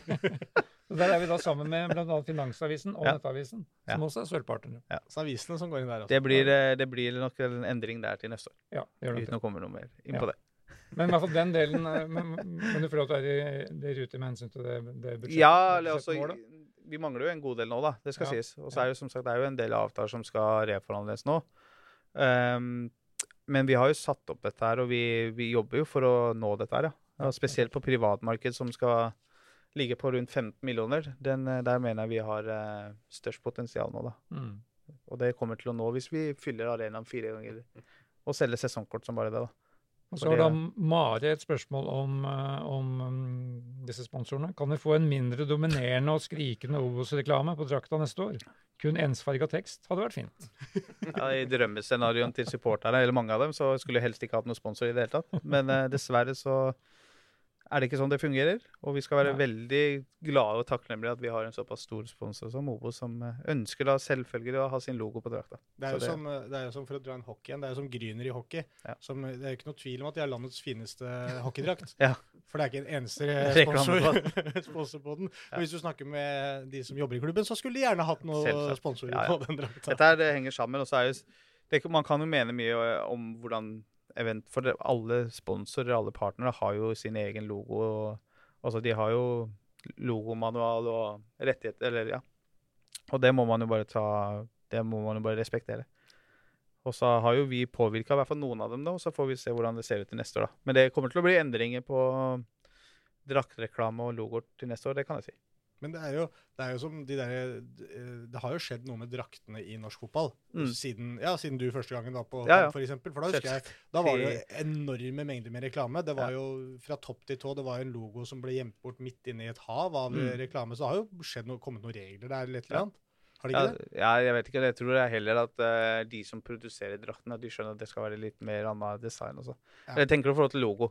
Nei, jeg, te- jeg tenker i forhold til at det- det var så veldig masse reklame på draktene før. Ja, det kan godt Jeg tror det var Kanskje det er nok noe sånn Ja. eh, begrensning. Det er begrensning nå, ja. Ja, ja, ja, ja, ja. Vi har jo Vi har jo reglement som vi følger. Ja. Så du kan ikke bare gjøre som en hockeydrakt eller en Det verste drakta jeg ser, er jo håndballdrakt. da. Ja. For der ser du snart ikke noe som helst. Du ser ikke klubblogoen lenger. Nei, men det er det jeg mener. Med, der ser ikke, der ser ikke banen eller Nei, det er helt riktig. Og det Nei, så det, det Nei, vi har en reglement på det. Ja. Og så er det jo sånn Jeg tror vi var litt bortskjemte, da, Vålinga som klubb. For vi var en av de få klubbene som kun hadde liksom Vi hadde Hafslund, og så Mm. hadde vi Nordea en periode, og ikke noe annet. Mm. For de var jo inne med ganske Mm. store summer. Og så er det jo sånn Drømmescenario er å komme dit eh, om 10-20 år, men det, det kommer ikke til å skje. Det tror jeg ikke. Så det, hvis, å supporterne, hvis, supporterne vil ha en drakt uten noe sponsor på bare en logo, Logo, ja. så kan de jo gå sammen og så kan de jo kjøpe seg den, eh, Ja, ja, de den, dra, den sponsorplassen, og så bare her skal det stå ingenting. Det er riktig. Det, kan, det er en fin oppfølging, så du får, eh, vi får se om det er noen som gjør det. Men vi hadde jo stor suksess med det i fjor, da når vi lanserte samarbeidet med, med Adidas. Mm. Og kjørte, for det ligger en del av avtalen med de, at vi skulle ha noen eksemplarer uten logo. Og det gikk jo med en gang. Ja, ja. Og det, men det er som sagt, den harde supporteren er jo, vil jo helst ikke gå med en plakat, sponsorplakat. Men jeg husker, jeg husker jo de svenske, ofte svenske og finske drakter også. var en Mm. periode med sånn et, et, veldig mye reklame på shorts. Ja, ja, og sånn helt også. Helt, eh, Det er veldig deilig at det ikke er så mye, må jeg si. Ja. At det er noe Men regler det er på nok, det er det. Ja da, det er det kanskje. Og så sier jeg at dere skal ha nettverksmøte i morgen, faktisk. Ja, det Med alle sponsorene. Hva, hva skjer der? Nei, det er jo siste samling før, uh, for i år. Okay. Og da skal vi egentlig bare oppsummere året og komme litt med våre tanker og ideer til neste år. da. Ja. Og takke dem. Og så skal vi ha et lite julebord om halvannen uke. Et lite julebord. Lite. Lite julebord. Ja. Det blir edru for min del, for jeg må nok være på vakt. Så jeg må komme meg hjem hvis det skjer noe hjemme. Ja, det er klart. Ja, det, er så, det er så forestående. Ja, var det Vi snakker om uker. To uker eller noe sånt? Ja, et par uker, ja. det blir jo akkurat da, kanskje, da. Ja, vi får se. Jeg, er det opp til henne, så tror jeg hun vil helst ha det ut uh, i går, men uh, ja. Nei, vi, hun, hun kjenner nok på det. Ja. Ja. Så skal det bli Tilbake til tribunelivet. Mange har vært opptatt av pyroteknikk. Ja. Og du ble rasende i sommer da NFF ga bot til Lillestrøm. Ja. 80 000 var det de fikk. Mm. Hvordan skal de løse dette? Er det noen løsning? Nei, altså, jeg, jeg er jo litt sånn Jeg skal faktisk ikke mene altfor mye om det her, for jeg har jo vært veldig, veldig klar på min, eh, min tanke og standpunkt rundt den saken. Men jeg tror hvis vi på noen som helst måte skal lykkes med dette, her, da, så må man på en måte ha visse områder på tribuna som de tillater å ha pyro. Hvis ikke så kommer dette til å gå galt til slutt. Altså nå er det sånn, i, sånn som i år, og det er flere klubber som har kjørt over eh, Altså de har, de har kjørt på disse Sandefjorden og har kommet veldig på. Altså det er mange klubber som har begynt å pyre. Så, for alle ser jo, det skaper jo en enorm bilde av eh, tribunen og en enorm stemning. Se på kampen. Altså vi har jo eh, by far de beste pyroscenene, men du har jo liksom Rosenborg med Bodø-Glimt der, og der det var show uten like, da. Men jeg mener hvis vi skal liksom komme oss steg videre, da, så må folk sette seg ned og ta visse plasser på tribunene der det er lov å pyre, så tror jeg det altså, Da Mm. tror jeg vi kommer til å lykkes med det. Men før den tid så tror jeg ikke Ja. Det er litt påfallende. I Premier League finnes det vel ikke? Ja.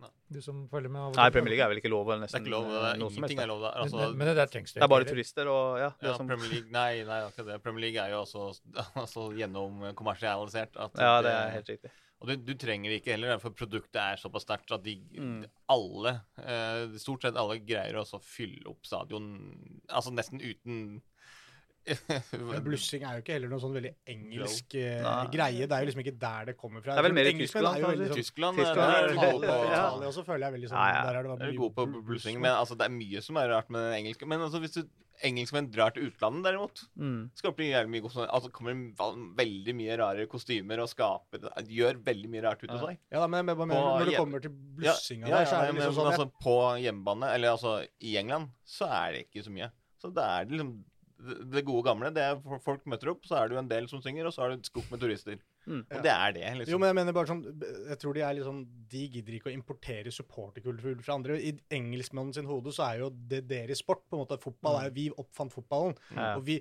hvis de begynner å blusse i Tyskland, så er det ikke sånn Oi, det må vi prøve også. Ja. Norge er det jo litt sånn Vi får lyst til å prøve. ikke sant? Når Tifon dukka opp i Italia med mosaikk og sånn Mm. derre de der rullene man kasta ut. Vi har prøvd alt. De lager svære bannere og sånn. Mens England har nesten ingenting av noe av det. Selv om du drar ned på league 2-nivå, så er det ikke sånn hvor det er hvor det ikke er så mange turister, så er det ikke noe som folk står og blusser der heller. Det er akkurat samme opplegg Mm. i hele England, føles det ut som. Jeg tror det er litt med at de bare Det er vi som kan dette. Dette er fasiten, liksom. Jeg er mer er fan av den norske modellen, da, det må jeg si. Ja, ja, Enn det er jo stort sett bare å se match. Det gøy å prøve å liksom prøve, prøve ut litt uh, nytt som dukker opp. Ja, Liksom. og du ser jo mm, altså Hvis du skal sammenligne dette med oss, da, og hva supporterne har gjort nå i fjor, f.eks., og det med opphenget som vi har fått opp, Mm. med å lage budskap og sånn, for det er sånn folk syns wow, se på dette her, liksom. Og det er jo Ja.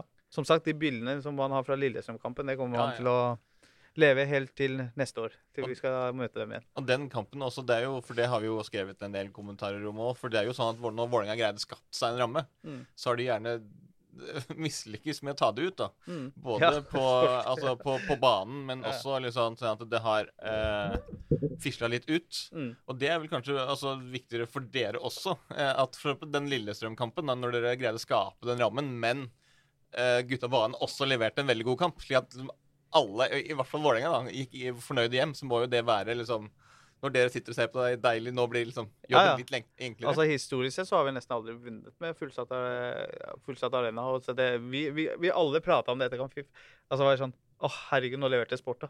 Tenk hvor deilig det er. Tenk om det hadde vært sånn hver gang. Jo, men man er, igjen, Både man marked og sport leverer Ja, det, samtidig. da, da spiller vi i Europa og er topp tre. Ja. For der, går, der, der, kommer egentlig det store økonomiske veiskillet. Hvis Mm. dere en dag skulle lykkes med å komme inn i en europaturnering. ja, og det er jo det jeg tror vi kommer til å merke i norsk fotball nå, spesielt i første årene nå, med Bodø-Glimt, Molde og Rosenborg som er i Europa nå. Mm. med de millionene de får inn, mot av de andre som på en måte skal kjempe litt mot hver eneste krone. da. Mm. Det skillet der tror jeg kommer til å bli enormt. Og da viser det igjen hvor viktig det er å være med i Europa. da. Ja. Mm. Selv om man får en god del TV-penger og sånn, så er det, så er det ikke nok. Så skal vi igjen, da må vi igjen si at Vålerenga må bli blant de tre-fire beste. Det er helt enig. Vi må det. Ja. Alltid det. Men historien har jo også vist at eh, selv om folk har fått uh, store fordeler med penger, så går det an å snu på det. Ja. Det er på en måte ikke sånn at fordi de har fått mest penger, så Nei, nei, nei. er det de som også blir topp tre neste sesong. Historien har jo vist at man kan Selvsyn. klare det. Det er bare å se på de fra nord, altså Bodø, da. Mm. De var vel uh, seinest i 2017, var det vel? De var i Obos-ligaen. Ja, Så det er ikke så Så var det vel ja. altså, Ja, klubben var jo nesten konkurs, og det måtte jo altså Pengeinnrulling i Bodø by og sånn Mm. for at klubben ikke skulle gå konkurs. Ja. Så, så det er ikke Og det, det er ikke så lenge siden. Det er ikke det, altså. Anders L spør hvem er den største potensielle medieprofilen i spillergruppa? Det tror jeg blir nå Bully, faktisk. Mm. Ja. Det tror jeg. For vi, vi ser litt sånn på trender og sånt på når vi lanserte samarbeidet, eller når han ble signert, da. Ja. Det var nesten større hype rundt han enn det var med Stefan. Ja. Så Og med god grunn. Om, Ja, og så er det jo i, igjen for å skape interesse rundt i Oslo, da. Han har jo på en måte sin egen fangruppe som nå kommer til å komme på Intility. Det er litt som å sammenligne det med han eh, Og nå står det helt stille hva han heter. Han i Odd. Han eh, stopperen som gikk fra Ja, han, ga- jeg holdt på å si gamlingen. Ja, du vet hva jeg mener. Ja. Fra Oslo. For det er mange som drar dit for å se kampene hans. Ja, ja, sånn, ja. Herregud, nå står det helt stille. Skien er for langt unna for oss. Skien, ja, ja, vi følger ikke Må med. ringe, ringe Dag Eilif, så kommer navnet med en gang. Det eneste vi følger på i Skien, det er vel Abel Stensrud, som også dro fra Ja, lokalfotballen Ja, ja. og ned til uh... Men han òg var jo lokalfotball, han jeg Ja, om. da. Ja, men Ja. ja, nå kommer jeg ikke på navnet hans. Men uansett, da, for han òg har fått sin egen fanbase som drar fra Oslo til Skien for å se kampene hans. mm. Og der tror jeg det kommer til å skape enda mer interesse fra østkanten. Altså folk det kommer til å se på tribunene neste år. Men det er noe med, det er noe med altså, Vi som har snakka med Omar Bulli Ja. eh, flere ganger, han er, jo, han er jo ganske god til å prate også. Han er, Ja, ja. han er en ganske kul fyr. Ja, ja. Altså, når, du, når du stiller ham spørsmål, så svarer han han har, han har litt sånn, For å sammenligne det med noe annet, så er det litt sånn slatansk over han. Ja. Litt sånn veldig mye Jeg spurte han etter at han hadde vært ute noe med skade nesten hele sesongen. ikke sant, Med Grorud så var han tilbake, og så bare sånn De har mangla Omar, liksom. Bully er tilbake. Bare, Men du trenger vel noen kamper til å komme? deg. Bully er Bully er tilbake, tilbake. liksom. ja ikke sant? Han har den derre Han har en sånn deilig attitude med et sånn godt smil oppi det hele. Så han, eh, så han tror jeg Det faktisk Det er jeg er helt riktig at han kan bli en veldig sånn populær type blant supporterne. Hvis man klarer å vise fram både fotballspillere, for det er ikke noe tvil om at han kan være en av Eliteseriens aller største Mm. profiler allerede neste sesong. Han så god er faktisk Omar Bulli. Men Ja. at han i tillegg har den der pakka ved siden av, da, med at han er faktisk et bra intervjuobjekt. Han er, han er en fet fyr, da. Ja, og så er, og så kom, jeg tror vi kommer til å nå veldig mange i den yngre Ja. målgruppen som vi ønsker å nå, da. Med han Mm. i spissen. Og så har du ikke noe tvil om at du har jo Osama som er der fortsatt. Og så ja, Mm. får vi jo bygge på de aller yngste, da. Så var det litt sånn som eh, i eh, Manchester United, da når markedsavdelingen bestemte seg for å hente tilbake Cristiano Ronaldo, Ja. som gjerne kanskje ikke passa så bra inn sportslig. Så er det liksom sånn at dere i markedsavdeling eh, har vært med å å det er nok en ganske grei opptur på sosiale medier og inntektene der. Det er det ingen tvil om. Men det er jo sånne profiler, da. Og det, det må vi jo som sagt bli flinkere til å dyrke enda mer i klubben vår, da. Så det er noe vi jobber med daglig, og spesielt Tina. Så Mm. det er bare å glede seg til det. Vi må da Vi begynner å få dårlig tid. Vi må innom dette VM som pågår, eh, selv om Ja. vi boikotter det både her og der. Ja. Iran, USA. um, Hvordan, hvordan forholder du deg til dette situasjonen som er nå? Altså, vi har et iransk landslag da, som kan gjøre sin beste VM-prestasjon noensinne. Altså, jeg er veldig sånn todelt, da, for jeg, liksom, man kjenner veldig på det. For eh, Kall det fotballspilleren eller fotballpersonen i meg vil jo at Iran skal komme lengst mulig og gjøre det best mulig. Men når du sitter og ser hvordan egentlig befolkningen og hva som skjer, eller hva som pågår i Iran, så tenker du at de burde egentlig aldri vært der og fått lov til å spille VM. Det Mm. burde liksom vært sanksjoner mot hele regimet og alt som driver med idretter. Men det er det jo dessverre ikke, da. Og da Altså, man blir jo litt sånn der eh, Hva heter det for noe? Eh, Litt for følelsesmenneske. Jeg er jo en følelsesmenneske, da, men jeg husker første kampen i VM nå, når, når de ikke sang nasjonalsangen og sånn. Da fikk jeg liksom Da, da, da var det tårer, ass. Ja. For det man vei, altså Jeg tror ikke vi kan forestille oss på hva slags press de er under, da. Eh, og det ser du på intervjuene nå i andre kampen, der pressesjefen står nærmest og kommer borti spillerne på hva de skal si og ikke si. Og nå, rett før jeg kom hit, så så jeg CNN hadde lagt ut en nyhet om at alle spillerne har fått beskjed om dersom vi som en, de prøver seg på noe i dag, så går det utover familien deres i Iran. Akkurat. Da, da, sitter du litt sånn låst i det. Hva, hva får du gjort da? Da må du nesten åpne kjeften og late som du synger, da. Eller eh, Ja, det er jo prøve. Er det, det som var litt av diskusjonen etter forrige kamp også. Mm. Om de faktisk sang, eller om de bare bevegde leppene for Veldig å tekkes. Det var veldig gode skos, skuespillere, det tror jeg. Mm. Mange av de bare åpna kjeften. For dette er jo da Dette er jo formelt sett meste regimets landslag. Ja. Kanskje med spillere som ikke Ja, altså det er jo Ikke er det, det, Ja, ikke sant. Det er akkurat det. Og så er det jo et par av dem da som er For det, dette her er jo litt sånn vanskelig for oss som ikke er inni det nå. Men jeg veit jo at et par av de spillerne er jo veldig tro til regimet, som er på landslaget nå. mm. Mens noen av dem, eller 90, over 90% av dem, er imot det som skjer i Iran. Og flere av dem har jo ytra seg på sosiale medier, og da har de jo fått beskjed om at ja, enten så blir du utstengt fra landet, eller får aldri komme tilbake til Iran, eller så tar vi familien din der nede. Ja, var Og ikke en som ble du- arrestert også, sånn dagen før forrige landskamp. Ja, det var vel det kanskje ikke helt tilfeldig, Absolutt ikke. det heller. Og det Som sagt, det er vanskelig for jeg, Igjen, jeg tror ikke vi kan forestille oss på hva slags press de er under. Og så veit jo jeg at noen av dem kommer nok til å reagere veldig sterkt med en gang VM er over.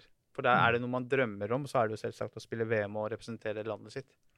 Og nå med at det kan bli historisk hvis det blir uavgjort eller seier i dag, så tror jeg alle kommer til å gå all in for det, da. Og mange av de har jo, bruker jo ikke telefon der nede heller. har, har du noen minner fra da den faktisk slo USA i VM i 1998? Nei, jeg har bare sett masse videoer fra ja, Når du, du kommer alene med keeperen og putter den med tåtuter i lengste der. Med, var men, du, det, du, ja. for, men du har ikke noen minner som- personlig fra selve Nei. VM da? Men Nei. jeg, jeg syns det liksom virker så man, man får liksom så vondt av hele situasjonen. Altså som du sier, Noen av spillerne føles jo som de spiller for landet, mens noen føles som de spiller for folket, på en måte. altså, det- det, jeg kan si da med en gang, det er alle der Mm. spiller for folket. Mm. Det, det kan vi si. Mm. Selv om noen av dem er pro regime, men så er det ikke noen tvil. De, de er jo mennesker, de òg. Mm. Så, så det, den tilbakemeldingen har jeg fått fra noen av spillerne, og det er ikke noen tvil om at de er der for folket. Mm. Og de mener jo at fotballen er på en altså for fotballen er veldig stort i Iran. Det er liksom eneste samlingspunktet som har vært selv de siste 40 åra. Det er den eneste gleden man har hatt i hverdagen, å dra og se på kamper. Mm. Bare menn, da, vel å merke, for kvinner har jo ikke lov å se på fotball. Mens hvis du sitter hjemme hos folk og foran TV-skjermen, så er det nesten kvinner som er mer entusiasme, for det er liksom Det er deres helter, da. Det er fa- så er fascinerende å se kvinneinnslaget på tribunene i Qatar, da. Ja. Med, disse- med T-skjorter som etter, etter det Marsha Amini-drapet og, Ja.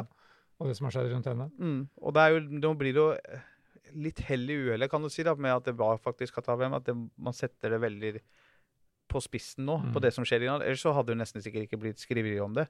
Nei. Og det mener jeg at det, ja. Det er jo litt trist sånn sett, da. At det, det kan foregå sånn i 2022 at nesten ingen bryr seg om det. Men, eh, men så er det jo mange som på en måte døgnet rundt skriver om det som skjer i Ukraina, for det er så nært. Nettopp. Og det Ja.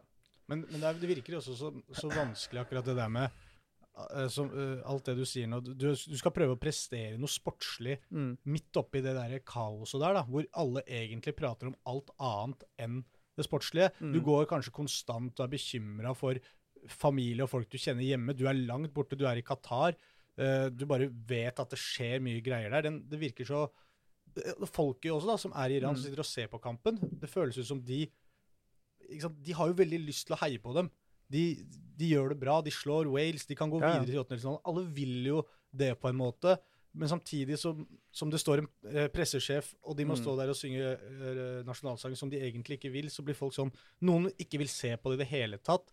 Selv om jeg tror de inni seg har veldig lyst til å se på det. Ja, altså det er jo, nå, nå kommer jo litt sånn Jeg følger jo veldig godt med på hva som skjer der nede. Og det er litt sånn For første gang, da, eh, når, når det er liksom en, altså en landskamp, så er det nesten flere ut på kalle gatene for å demonstrere mot det som skjer i Iran, enn å sitte foran TV og se kampen. Mm.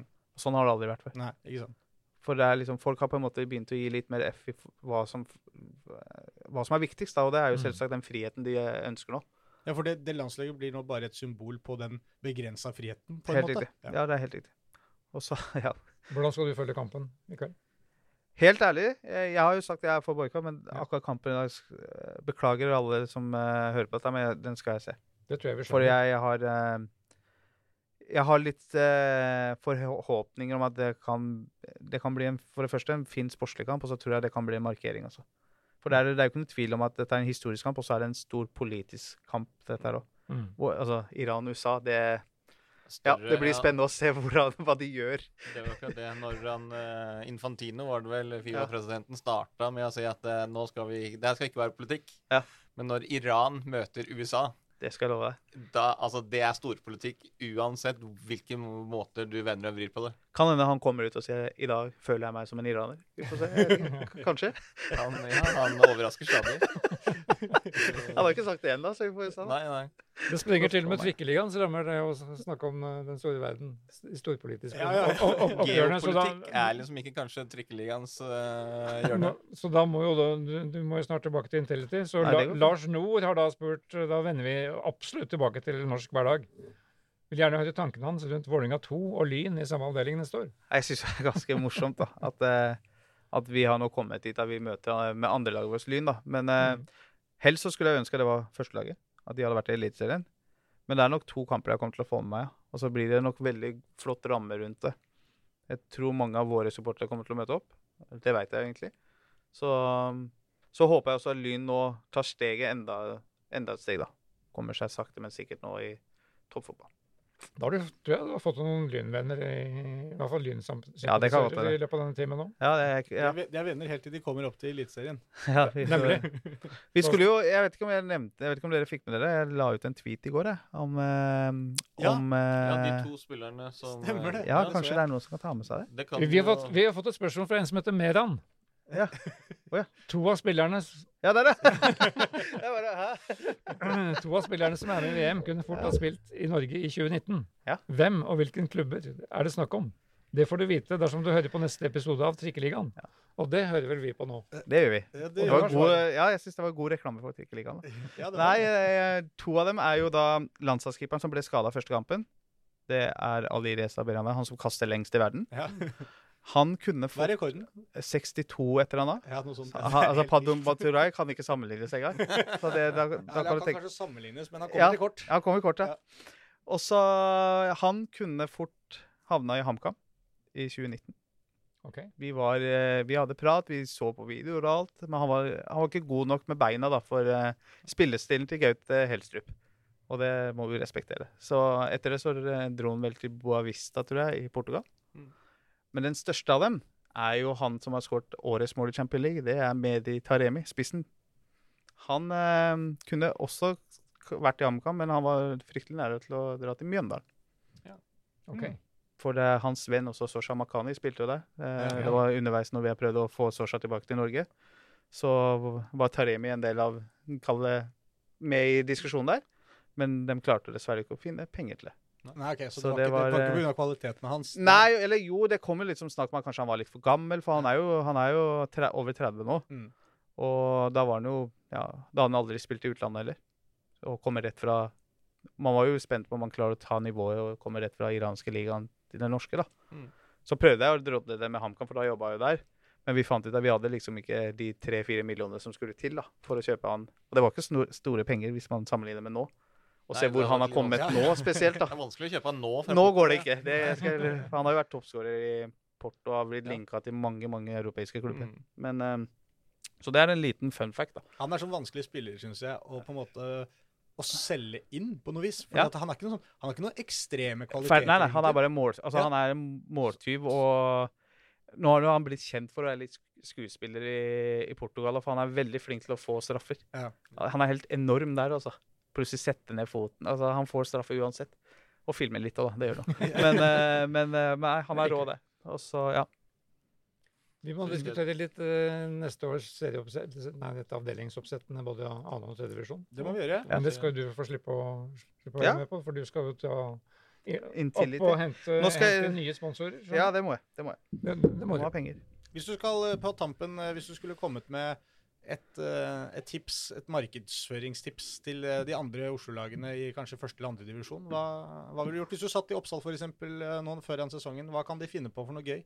Jeg har jo prata mye med han. Jørgen? Ja, Ja. eh, vi har god kontakt, altså. Så- Han finner på mye gøy. Han finner på mye rart. Men det er jo litt sånn Man må på en måte ikke glemme litt på hvor man, hvilket nivå man er på. Man kan ikke bare ha altfor høye for, forventninger og forhåpninger om at man skal liksom ha masse millioner i sponsorinntekter og sånn. Det, det Ja. Det, men samtidig Man må aldri gi opp. Nei. Vær på 24-7. Det er det det handler om i fotball. Det er en livsstil. Mm. Og vær enda mer eh, synlig og få fram de gode prosjektene og verdiene til klubben. Mm. For det er som sagt ikke bare fotballklubben du selger, det er alt annet det som skjer rundt. da. Det er desto viktigere det òg. Ja, få, fram, få fram det som er din klubb, på en måte. Ja, det er akkurat det. Ja. Det er akkurat det. Hva er det, det som dere er kjent for? Hva er dere best på Oppsal? Og kanskje henge opp en plakat på Bøhler-senteret. Bare for å provosere kan- litt. Eller, eller Tveita, da. Der, Ja, eller det, er, Tveita det er jo en sponsor. Ja, men det er vel dem sett. Jeg tenkte Ja. for å, for Ja, å stikke det litt til, til naboene. Nei, det er sant. Blir dette her redigert og sånn, eller kommer dere til å redigere? Eller er det bare rett ut? Jeg tror vi bare legger er det Rett rett ut, er rett ut. Det er bra. Ja, er nå er avslutter bare med en 20 sekunders video til slutt, så nå tar vi den samtidig. Men hva, hva må Vålerenga prestere neste år for at markedssjefen skal bli fornøyd? Nei, det er krav med topp tre Topp topp tre er kravet fra meg. fra deg. Dag Eilif kommer ikke til å være enig, men det er fra meg. Og dere fyller stadion Minst fire ganger. flott. Er, det, er du, du fornøyd, Reidar? Jeg er, for, jeg er alltid Vi tok dette på lufta også. Ja, ja. Pleier å ta Det etterpå, men eh, du har dårlig tid. Nei, okay. Vi har ikke- Alt går i ett her, vi- vi har ikke- vi har- vi har verken tid eller råd til å redigere alt dette. Nei, det sånn er det når, Det vikar, når det er vikar, vet du. Nemlig. Da er det alltid litt uro i klassen. Det skal det være. Og det var en morsom uh, klassetime, en fotballtime. Uh, det har blitt over det faktisk å se på monitoren vår. Jeg så jo bare Å, du har mer? Nei, jeg, bare, jeg, jeg, måtte, jeg måtte gå inn på vei hit, da, så tenkte jeg å gå inn og se på noen av spørsmålene. Dette her tar aldri slutt. Nei, jeg men eh, Dere får vel kaste meg ut når dere vil, altså. Men, men jeg, jeg så det var en som hadde kommentert på hvor lenge undertegnede var utestengt. Ja. Ja. Han eh, kan vi si med en gang han er livstidsutdekt. livstidsutstengt. Han, eh, han har pyra så mange ganger han, at han, eh, han kommer ikke inn igjen. Men han har jo Det var, det var et veldig klart svar. Det er litt med humor, da, vel å merke. Han, eh, han kommer jo inn uansett, selv om han har vært utestengt. Altså, han eh, sniker seg inn på bortekamper og ja, ja. ligger foran deg. Så han, eh, han er ivrig, i hvert fall. da. Det skal han ha. Han kommer seg inn. Han kommer seg inn. Men eh, det er begrenset hva vi, vi tør å gjøre òg, ikke sant. Hvis det er sånne, så, Ja, ja. hvis du er utestengt sånn at ikke man, skaper, man skal jo ikke skape noe dårlig stemning når man først har inne på stadion. Så det, det Man er bare også- har et ekstra øye med, på en måte. Ja, ikke sant. Ja. Og det, men uh, han skal ha honnør for at han, uh, han er ivrig, i hvert fall. Ja, det var som når jeg var inne på noe klassetimereferansen min her. Så er det, du kan jo ikke, du kan, Fordi han én bråker i timen, så kan du ikke nekte han å komme på skolen dagen etter. Men du kommer til å følge litt ekstra med på han, ikke sant? Kanskje Mm. bli i grupperommet. og sitte der. Nei, det er riktig. Det er riktig. Nei, men bra, dere. Takk for, takk for meg. Jo, Veldig hyggelig å ha deg. kjempekoselig, Meral. Hyggelig. Jeg finner vel veien ut sjøl. Nei, vi må hjelpe deg ut. Vi får hjelpe deg, du må, ja. sette på, du må putte vi på det. pauser nå, og så blir det liten Vi kjører en jingle, vi, tror jeg.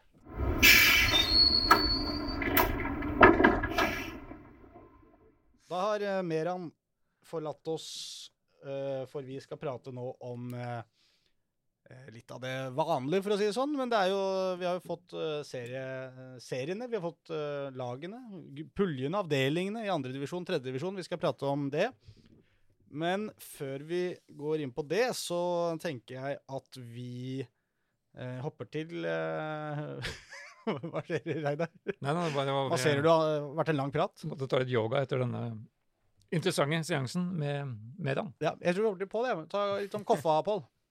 Hva er det siste der? For der har det skjedd litt. Ja, det er jo mest uh, utgående som det har skjedd litt. Kaptein uh, Jørgen Hammer valgte å eh, gå over til å bli heltidsadvokat. Oi, oi, oi. Og det er jo et uh, stort savn for, uh, for Koffa, det. Han har vært en uh, trofast og solid bauta i, eh, i de bakre rekker. Så eh, i tillegg så har de jo også Moamanin. Forsvinner jo fra klubben. I tillegg så har de vel kvittet seg med en, ja, absolutt ikke en skog, da, men i hvert fall Johans Brauti som keeper, og Mats Viken. Mm. Eh, så de må jo ha en ny, ny keeper også. Eh, men det er jo Endelig, sier du. Ja, jeg har jo vært litt klar på det egentlig gjennom sesongen. Altså, Hadde Emil Gundersen fått spilt, så tror jeg det, kunne jo vært bedre. For Emil han er en altså, solid og trygg og grei keeper. Men jeg føler liksom at hvis det er ett sted Det er jo eh, når de da spiller i førstedivisjon og heller ikke i år greier å rykke opp, så er det jo flere steder du, du trenger forsterkninger. Men er det ett sted som du virkelig gjør det, så er det på keeperplass i år. Det har vært litt utrygt eh, eh, med, med de som har vært der. Ja. Eh, og så må du jo også, også få inn en spiss, fordi det er jo uansett hvor mye Jørgen Isnes eh, snakker om alt som er positivt, og vi, vi vrir alt til det positive for oss, så er det jo selvfølgelig eh, alltid en ulempe å spille en hel sesong uten spiss. Nå, nå prøv, og hentet de jo både Brustad og Thomas Klemetsen Jacobsen, og at liksom Brustad var såpass skada og til slutt måtte legge opp midt i sesongen, og at Thomas Klemetsen Jacobsen også har slitt med skadeproblemer hele året, kunne du jo ikke bytte på årene. Nei. Men dette, eh, dette hadde vi en tung analyse om i forrige sending, hvor Ja. vi gikk gjennom hele den seansen der med spissene som manglet, men som kanskje ikke manglet allikevel, for det var fem mann over som skulle ha mer enn fem mål. Mm. Eh, men, eh, Men hvor står KFM nå, Reidar? men han var enig. Han, han, han, han sier ikke nei til en spiss som, skal i 20, som kan se 20 mål i løpet av en sesong. Nei, det Men hvem gjør det? Jeg kjenner ingen. Nei, kjenner som sier nei til det. Nei. kjenner ingen personlig. men bare kjapt, Reidar. Hvor, hvor, hvor står på en måte KFM nå med disse spillerne ut? Hva, hva tenker man nå, når vi nærmer oss jul, på en måte, rundt KFM? Nei, de, men, Er festen over, eller? Det er litt Nei, festen er vel ikke over, men eh, det er jo litt spenning der. Man føler seg jo ikke helt sikker på at Jørgen Isnes er der heller eh, neste år. Det er jo stadig spekulasjoner rundt han hver gang det blir en ledig jobb i Mm. Eliteserien, og jobben i Drammen er jo ikke besatt ennå. Burde han dra nå, syns du? Og så Eller er det vanskelig å svare på? Om han burde dra? Ja, for sånn hans egen del? Ja. Ja, altså det er jo sånn timingmessig så er det nok et uh, Hvis han uh, har de store ambisjonene som han sier han har, og som Mm. han uh, vært morsomt å sett, som han klarte å innfri, så er det nok denne tida her som er ganske naturlig for han, å Ja. ta et skritt videre. Men samtidig er han jo Han føler seg også i et byggverk i K5 Ja. som ikke er fullført, og hvor det er mye spennende på gang. Så jeg skjønner at han Men han er i en, eh, han er i en eh, fascinerende posisjon, da. Ja. Han kan velge å vrake litt, har jeg følelsen av. Og det er jo som vi har snakka om tidligere, og at, eh, i hvert fall som jeg mener styrker han veldig, da, det er jo at han flere ganger, flere sesonger har takka nei til tilbud fra andre, andre lag høyere opp i, i divisjonssystemet, altså i Eliteserien. Og, og på en måte fortsatt jobben i KFM med like stor framgang. Altså Vi har jo Eirik Kjøne som eksempel, som dro ganske kjapt fra Grorud. Og alle, da snakka vi om mm, smart kanskje å dra nå, fordi hvis Grorud rykker ned, så har du på en måte mista litt den der statusen. Da var det opp og ned med en gang. Eh, Benytta seg sjansen og, og forsvant etter at han holdt Grorud én sesong i første divisjon. Mens Jørgen Isnes har jo bare fortsatt å levere og levere stabilt der oppe. Og har jo vist at han er veldig Han tar veldig eierskap til, eh, til det prosjektet som han er en del av, og han er veldig lojal. og det er jo sånn Pakka der begynner, den blir jo bare sterkere og sterkere for hver sesong som går. For hver sesong han klarer å spille KFM inn i, det, inn i den kvaliken. Men samtidig føles det kanskje også ut som nå, Vi snakka vel om det på at nå føles det kanskje ut som at OK, det ble kvalik igjen, men det ble, kom ikke noe lenger, på en måte. Det var, det var det samme som egentlig skjedde forrige sesong. Ja, altså vi tenkte litt på det, altså eh, På måten Altså, eh, de har bygd opp det prosjektet sitt med KFM på, Mm. med, med Isnes i spissen, og hvordan klubben har utvikla seg, så har det liksom vært eh, Det var jo det samme spekulasjonen i fjor, om Isnes skulle forlate klubben da òg. Men da følte jeg at det var sånn eh, At de hadde noe mer eh, ugjort. At liksom det her skulle liksom være sesongen, både med tanke på at det da var den tøffeste Obos-ligasesongen noensinne, og de skulle endelig, altså, få en enda større utfordring, og det var liksom noe som var som, som lå der. Eh, nå har de gjort det. Det ble det samme resultatet, og egentlig litt dårligere resultat enn de fikk i 2019, for da, nå røk de ut i første kvalifiseringsrunde.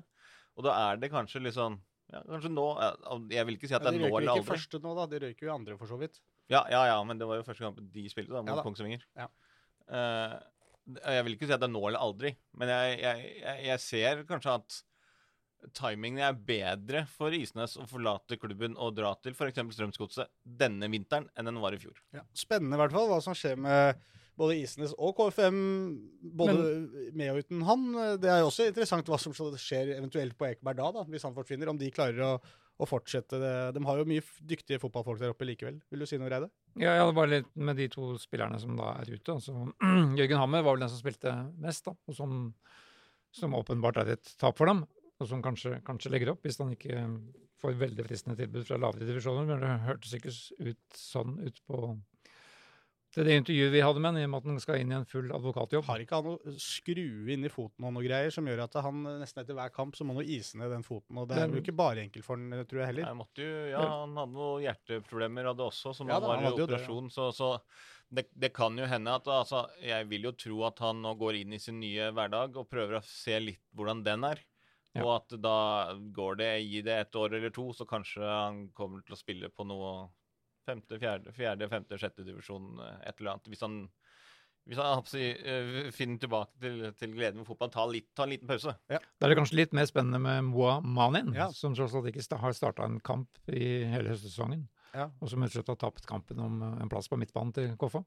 Men som kanskje ikke er ferdig med karrieren. Så det er jo mange som, som nevner Lyn også for, for, som en mulig fortsettelse for hans karriere. Mm. Sånn er det vel med alle spillere i Oslo-fotballen som Ja. ikke fortsetter. Så er det vel Lyn som alle nevner for alle sammen. Han, har- han har jo en fortid fra Grorud òg, da.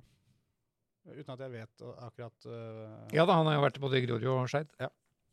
Så da kan du ta sirkelen helt rundt. Men om han kan velge å vrake, det vet jeg ikke. Det vet ikke jeg heller. Det vet ingen av oss.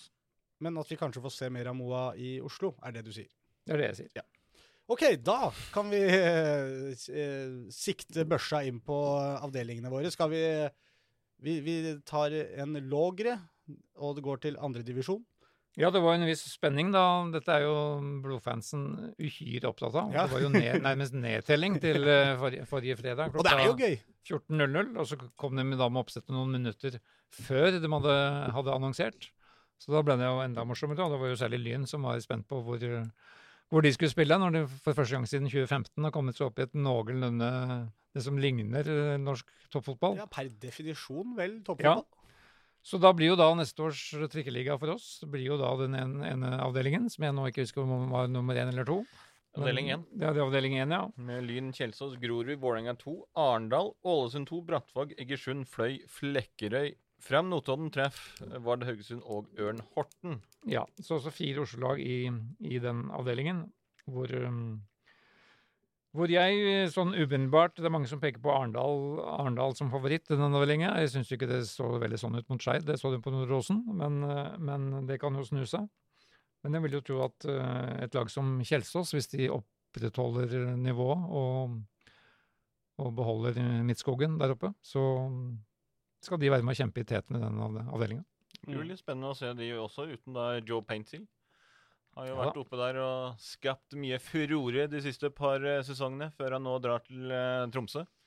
Så Og så er det jo umulig per nå å si hvor Grorud havner til dette landskapet. Det blir jo store utskiftninger der oppe. Mm.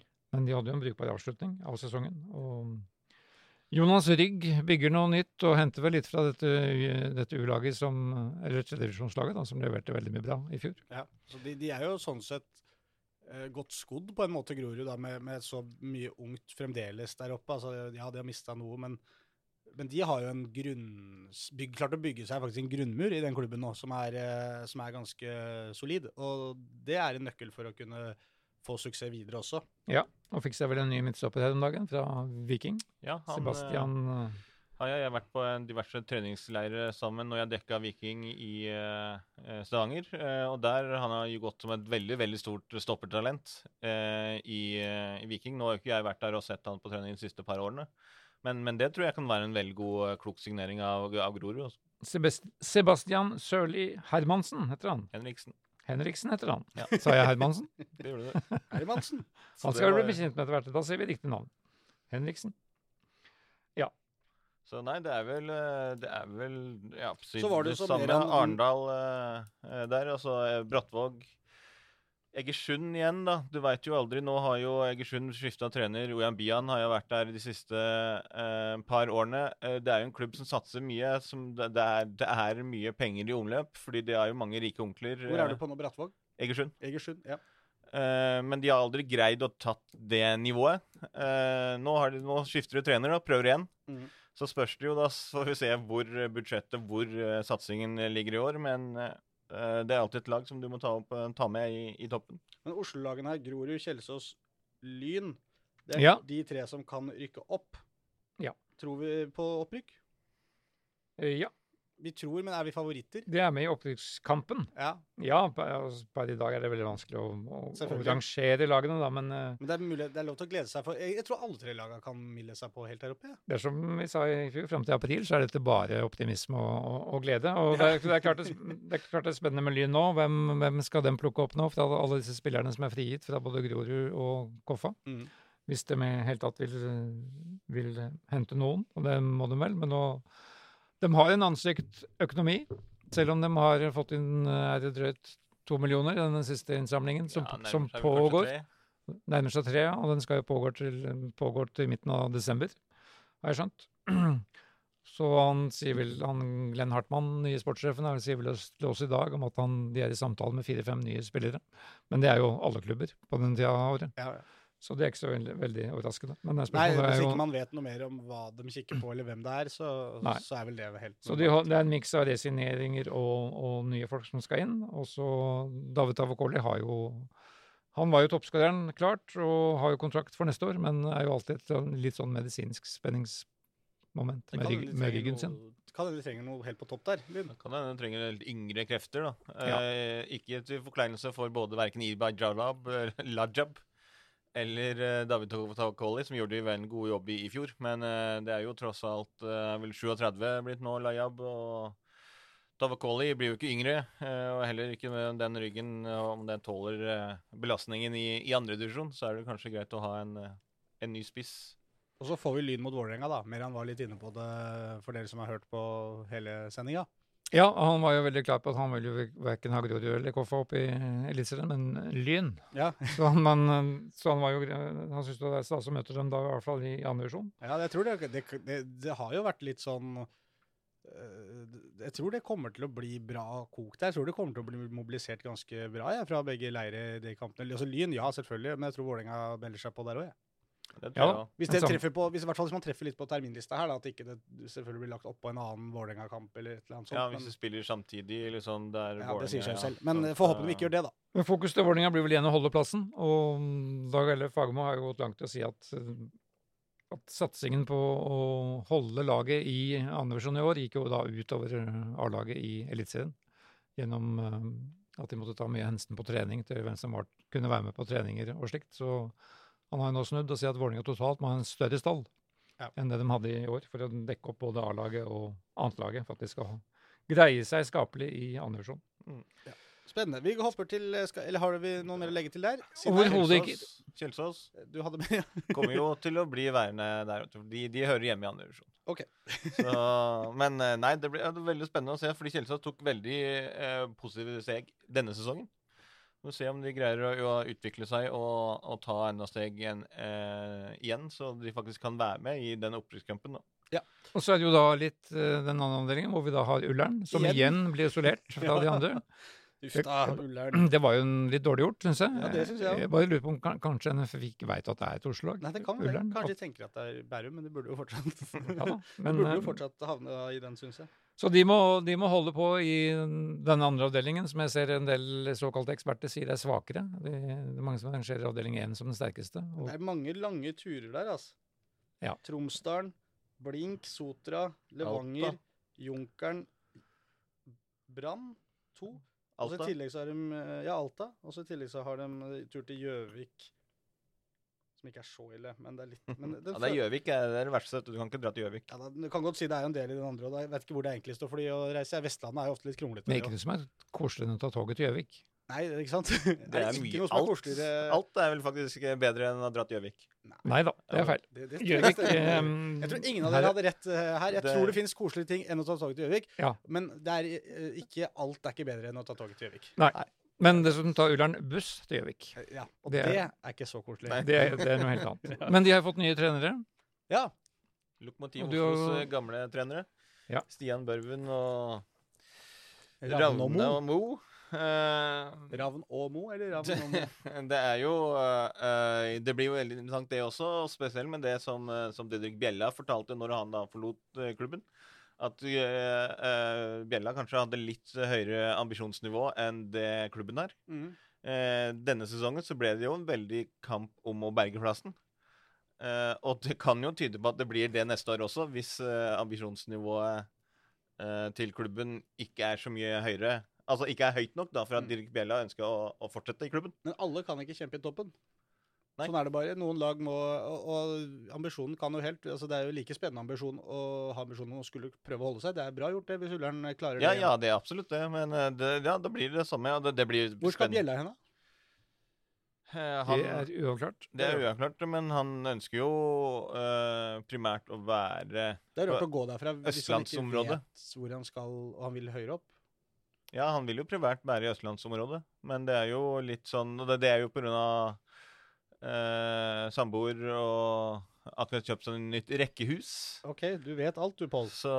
Men eh, for eksempel en klubb som Egersund hadde jo vært perfekt for Bjella. Ja, det er ikke Østlandet, da. Nei, nei, men det er jo ikke det, fordi eh, Egersund er jo en, altså en klubb som satser, som har muligheten til å vokse, som har altså, som er, Der har han mulighet til å sette sitt stempel. da. Men, men uh, Du sa akkurat at han ville være på Østlandet. Han ville være på Østlandet, ja. Ja. Men det er jo, altså, jeg er ganske sikker på at uh, Egersund, uh, om de ikke allerede har hørt det, vil ta kontakt med han. Og da vil det jo bli en Så du gjør litt sånn amerikansk sport, så kan du jo, hvis du går inn som eier, så kan du bare kjøpe lag og flytte det til et Ja. annet sted. Franchise, Ja. franchise Egersund til Oslo-området. Hvilket, hvilket, hvilket sted på Østlandet er det som mangler et fotballag? Som liksom, Man føler at de burde jo De burde jo hatt et fotballag, et ordentlig fotballag. Har alle det, kanskje? Røros mangler fotballag, kanskje? Er det Østlandet? Ja, Jo, det er det, vel det, er nesten, det er nesten Trøndelag, men Det er vel litt langt å reise det også, kanskje.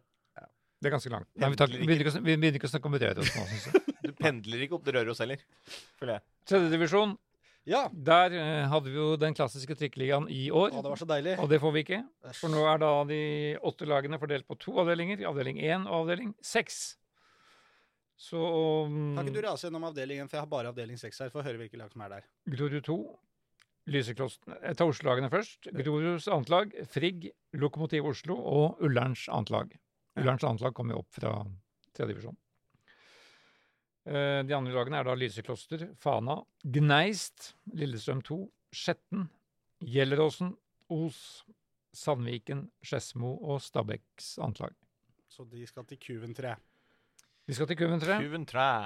Og der er jo da i mine øyne kanskje Gjelleråsen en stor, stor opprykkskandidat. De var jo målforskjell fra å rykke opp i år.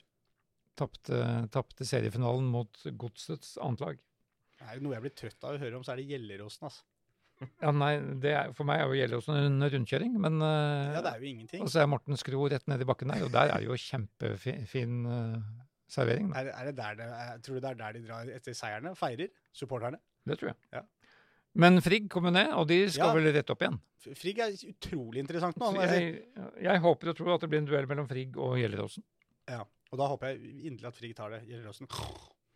Men Jeg fikk en mail fra styrelederen i Frigg som sa at der var, de spilte ingen rolle. Nedrykket var ing- ikke noe problem for dem. Nei ja. De kunne spille der, og de kunne spille i andre divisjon.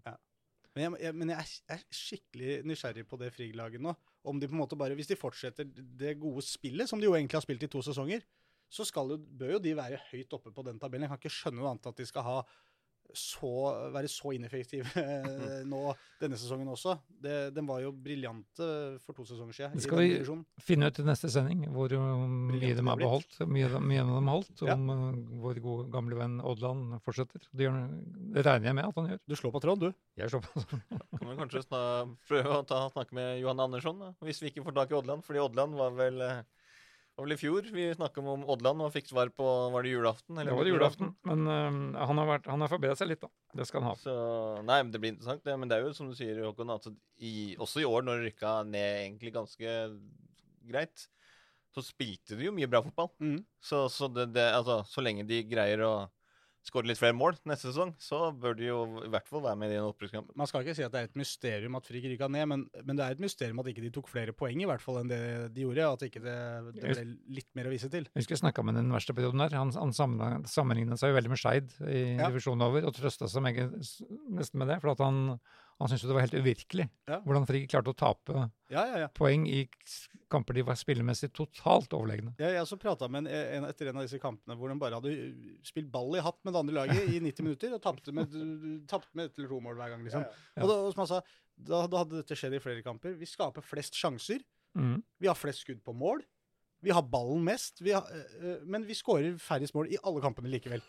Og det er sånn, En ting er jo å ha ballen mye, så det kan man jo diskutere opp og ned. Det er jo mange som mener at det ikke nødvendigvis er noen forutsetning.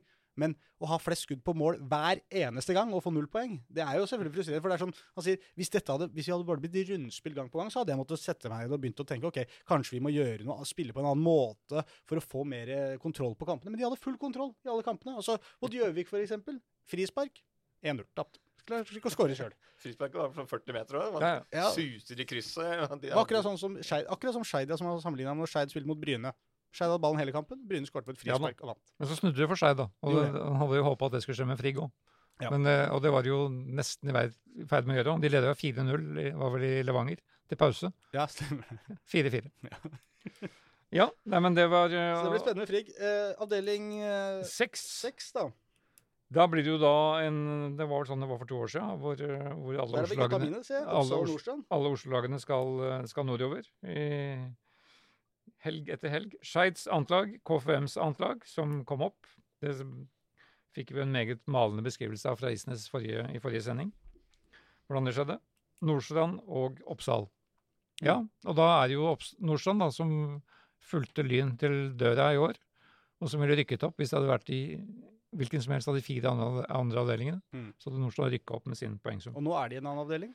Nå er de i en annen avdeling, og er vel da naturlig favoritt, eh, slik verden ser ut akkurat nå. Men eh, det er som jeg snakka med Thomas Holm her for noen uker siden, det er jo, det er jo veldig mye som skjer mens i spillerstallene akkurat, akkurat nå, da. Og så er det Oppsal, eh, som vi jo før forrige sesong vel trodde skulle være veldig mye høyere på tabellen, kanskje. Vi hadde i hvert fall ganske tredje Ja, vi hadde dem ganske høyt oppe der, og de fleste andre hadde det også. Uh, fikk det ikke helt til denne sesongen, men jeg er jo veldig spent på hva de, de klarer å få til nå også, da. Ja da, jeg, føler, jeg føler at det er et potensial der som, Det er som altså er litt u, uforløst. Så det blir, ja, det er akkurat det. Det blir spennende å se hvordan eh, Altså, de kommer til å ha en god eh, evaluering av sesongen, hva som gikk eh, galt. Hvordan de kan eh, få ut det potensialet de har. Og så er det veldig spennende om de greier å få det til neste år. Da. Fordi jeg tror, tror det er Altså, det er rigga for å gjøre det bedre enn de gjorde i år. Ja da. Og så, Sverige- så- eh, er det ett lag her, eh, Reidar, Ja, som vet alt. Skånland. Ja, Hørtes svenskt ut. ja, det er det ikke. Det er på, Skånland. det er på Senja. Det er på Senja, ja. Ja. Jeg regner med det var det oppi der, da, men det var et litt ukjent navn for meg. Det er alltid gøy med litt sånn nye bekjentskaper. Du husker den gamle sentralbanksjefen, Hermod Skånland? Selvfølgelig. Han var derfra. Eh, Vi er på Senja. Men jeg har ikke i hodet deres sportslige kvalitet akkurat nå. Nei, men det var et litt sånn nytt navn, bare. Og så er det Sarpsborg 082. Så jeg er litt usikker på hvilket, eh, hvilket av laget, om det er åttende laget, nullte laget eller andre laget som skal eh, spille denne avdelinga. Det blir alltid gøy. da. Sarpsborg Det var humor, Pål. Da kan du bare le. Det var morsomt. Det blir jo, Når du skal skrive resultatene her, så blir det jo Sarpsborg 0, Kjolete, 8, ass. 2, 2, 1, 2 Rørende. Altså, det blir så mye, det blir så mye resultater. Ja, Men tilbake til Nordstrand. og Det eneste som, eh, som er klart når det gjelder spillelogistikk, er at Sverre Sandal, som er en, som er en sentral Som egentlig har vært KFMs Som har stått på lista til KFM lenge, Ja, og var, jo på treningsleiren til KFM i fjor vinter. Han er nå permanent KFA-spiller fra neste år. Ja. Uh, som Thomas Holm, han kalte den for eh, Nordstrands svar på Brede Hangeland. Men han er ikke midtstopper, da. Han, skal jo spille på midtbanen, er, tanken. Ja. i Så det høres litt ut som, det høres litt ut som eh, resonnementet til Pål her, med at eh, Bjella trenger et lag på Østlandet, nemlig Egersund. Så her har vi Nordstrands svar på Brede Hangeland, bare en midtbanespiller. Så han er ikke Men Brede Hangeland i Hangeland det hele var jo tross alt også faktisk midtbanespiller i sin ikke- ungdom. Han var ikke så god. Altså, Han var ikke så verst der heller. Han spilte jo god defensiv midtbane der. Også, Han ble gjorde- som stopper, da. Ja da, det, det gjorde han jo. Han spilte jo defensiv midtbane i starten, også når han kom til, eh, til uh, Brønnby, var det vel, etter uh, tiden i Viking. Ja, men nå er det jo Sandal som skal spille, da, ikke, ikke Ha- Hangeland. Eh, Thomas Holm var litt kryptisk på at han hadde hatt samtale med noen andre klubber. Er, han er, det er en viss interesse rundt han som trener, Ja, okay. i og med at han har fått ganske mye ut av det Nordstrands-laget. Ja. Men per i dag er han fortsatt Nordstrand-trener. Mm. Favoritten her er kanskje Asker, som eh, rykka ned, litt overraskende. Asker Ja. hadde jo ambisjoner om å rykke opp fra andredivisjon. Er det Vegard Skogheim fortsatt, eller? Det vet jeg ikke. Som trener dem? Men han er nå der nå. Og Aske, eller Aske der nå da i denne samme avdelingen, så kanskje de er naturlig favoritt å, å peke på. Mm. Det blir litt spennende å se hvilke spillere Altså, det var mange spillere som over, altså overbeviste i fjor, sånn som keeper Kristoffer Bugge, f.eks. Eh, Ja, nå er du tilbake i Nordstrand. Ja, ja, i Nordstrand, ja. Ja. Eh, hvilke spillere som, som blir værende. Eh, Ja. Hvordan spillestallen blir. For det vil jo selvfølgelig ha veldig mye å si. Men eh, med, med det laget som de hadde i fjor, så, så bør jo Nordstrand slå godt fra seg i denne avdelingen her. Lørenskog har, jeg ikke kontroll på, men jeg liksom har bare følelsen av at de kommer til å kjempe i toppen. Ja. Vet ikke hvorfor. Men, og ikke Follo, Follo det samme. Follo er et lag som går under radaren i alle sammenhenger, bortsett fra det året de kom til cupfinalen. men uh, Follo er liksom ingen som, som, som De er jo en del av Stor-Oslo. Ja, de spiller, på, de spiller jo på en gressmatte, gjør de ikke det? fortsatt? Naturgressbane der ute. Ja. Grorud spilte jo mot dem i første runde i cupen. Ja. Ble jo straffekonk. Skal vi sette litt utropstegn ved Follo, syns du? Jeg har ikke noe lyst til det. Jeg syns Follo også er kjedelig, hvis det er lov å si. Ok. Ja, for disse an- andre lagene, Hammerfest er jo den lengste turen, selvfølgelig. Én, to, tre, fire, fem, seks lag fra Nord- Nord-Norge. Ja, og det vet Så- vi jo. Vi, det er det man vet. Man sliter jo alltid litt med å vite alt om disse laga som de skal opp og møte, da. Ja, og de, de veit jo veldig lite sjøl også. på Men dette- dette Mjølner er jo der, og Mjølner er jo i hvert fall sånn historisk et lag. Og Ja, de har vært i, på øverste nivå. ja. Oslos fotballpionera, som de synger i sangen sin. Mjølner-sangen? Nei, Norges, sa jeg. Oslos. Ja, du sa Ja, Oslos. Norges fotballpionera. Kampen om Narvik, det er jo en storfilm som kommer nå i premiere er det i annen juledag, er det det? Men Det- det har jo er- ingenting med Mjølner å gjøre, selvfølgelig. Men det er da fra samme by. by. Regner med at Jørgen Rydland gjør noe gøy på det, Det kan, når det de skal uh, opp dit. tips. Da kan lage en trailer. ja. Kampen om Narvik. ja. Ja. Nei, jeg bare føler Nei, men- at det er i hvert fall et lag som, eh, som, sånn, eh, som sikkert kan finne på å mønstre et helt OK lag. Mjølner, tipper jeg. Ja, det er bare for at vi at en gammel magefølelse. Ja, og Narvik er vi vet ingenting om dem. Om Pleier å være skarpe der oppe. Men dette skal vi selvfølgelig gå dypt inn i Ja, det skal i vi. månedene som kommer. Det er litt deilig å bare synse litt òg. Det er deilig. Skånland kanskje havner på topp. Nei. Det har jeg ingen tro på. Skeid 2. Har du, uh, Spennende ja. det jo, om de tar uh, de, altså, Skeid 2 var jo veldig lenge i denne sesongen her. Veldig gode. Så fikk de jo en liten bråbrems på, på slutten. Men de var jo ubeseira veldig veldig lenge av sesongen. Og hadde veldig mange spennende unge, unge spillere eh, som viste seg, seg godt fram. Så det blir jo spennende å se både unge talentene der, men eh, det samme også i eh, KFM2. Og hvordan, hvordan det går med dem Mm. som rykker opp med et nødskrik foran FC Oslo. Men hvis ikke vi har mer da, så Eller har du noe mer, Reidar? Du kikker ned på arket. Det, du har kommet helt ned til bånn, ser jeg. Ja, nå er vi helt i fjerdedivisjon, skal vi ikke begynne på nå. Så mm, vi må Nei, nei, nå skal vi gjøre litt tung research på mange av disse lagene. Så kommer vi tilbake til dem seinere. Ja. For nå må vi over til noe helt annet snart. Eh, ikke her med det. Nei, nei. Ja, vi må rett og slett runde av for eh, denne gangen. Det ble en lang episode, dette her, men vi hadde litt å prate om også.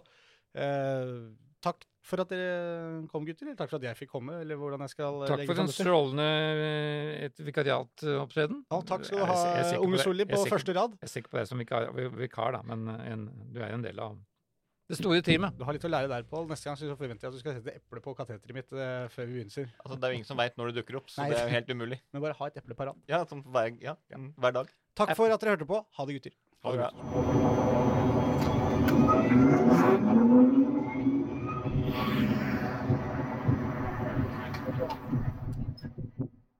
Du har hørt en podkast fra Dagsavisen. Ansvarlig redaktør heter Andreas Heen Haaland Karlsen.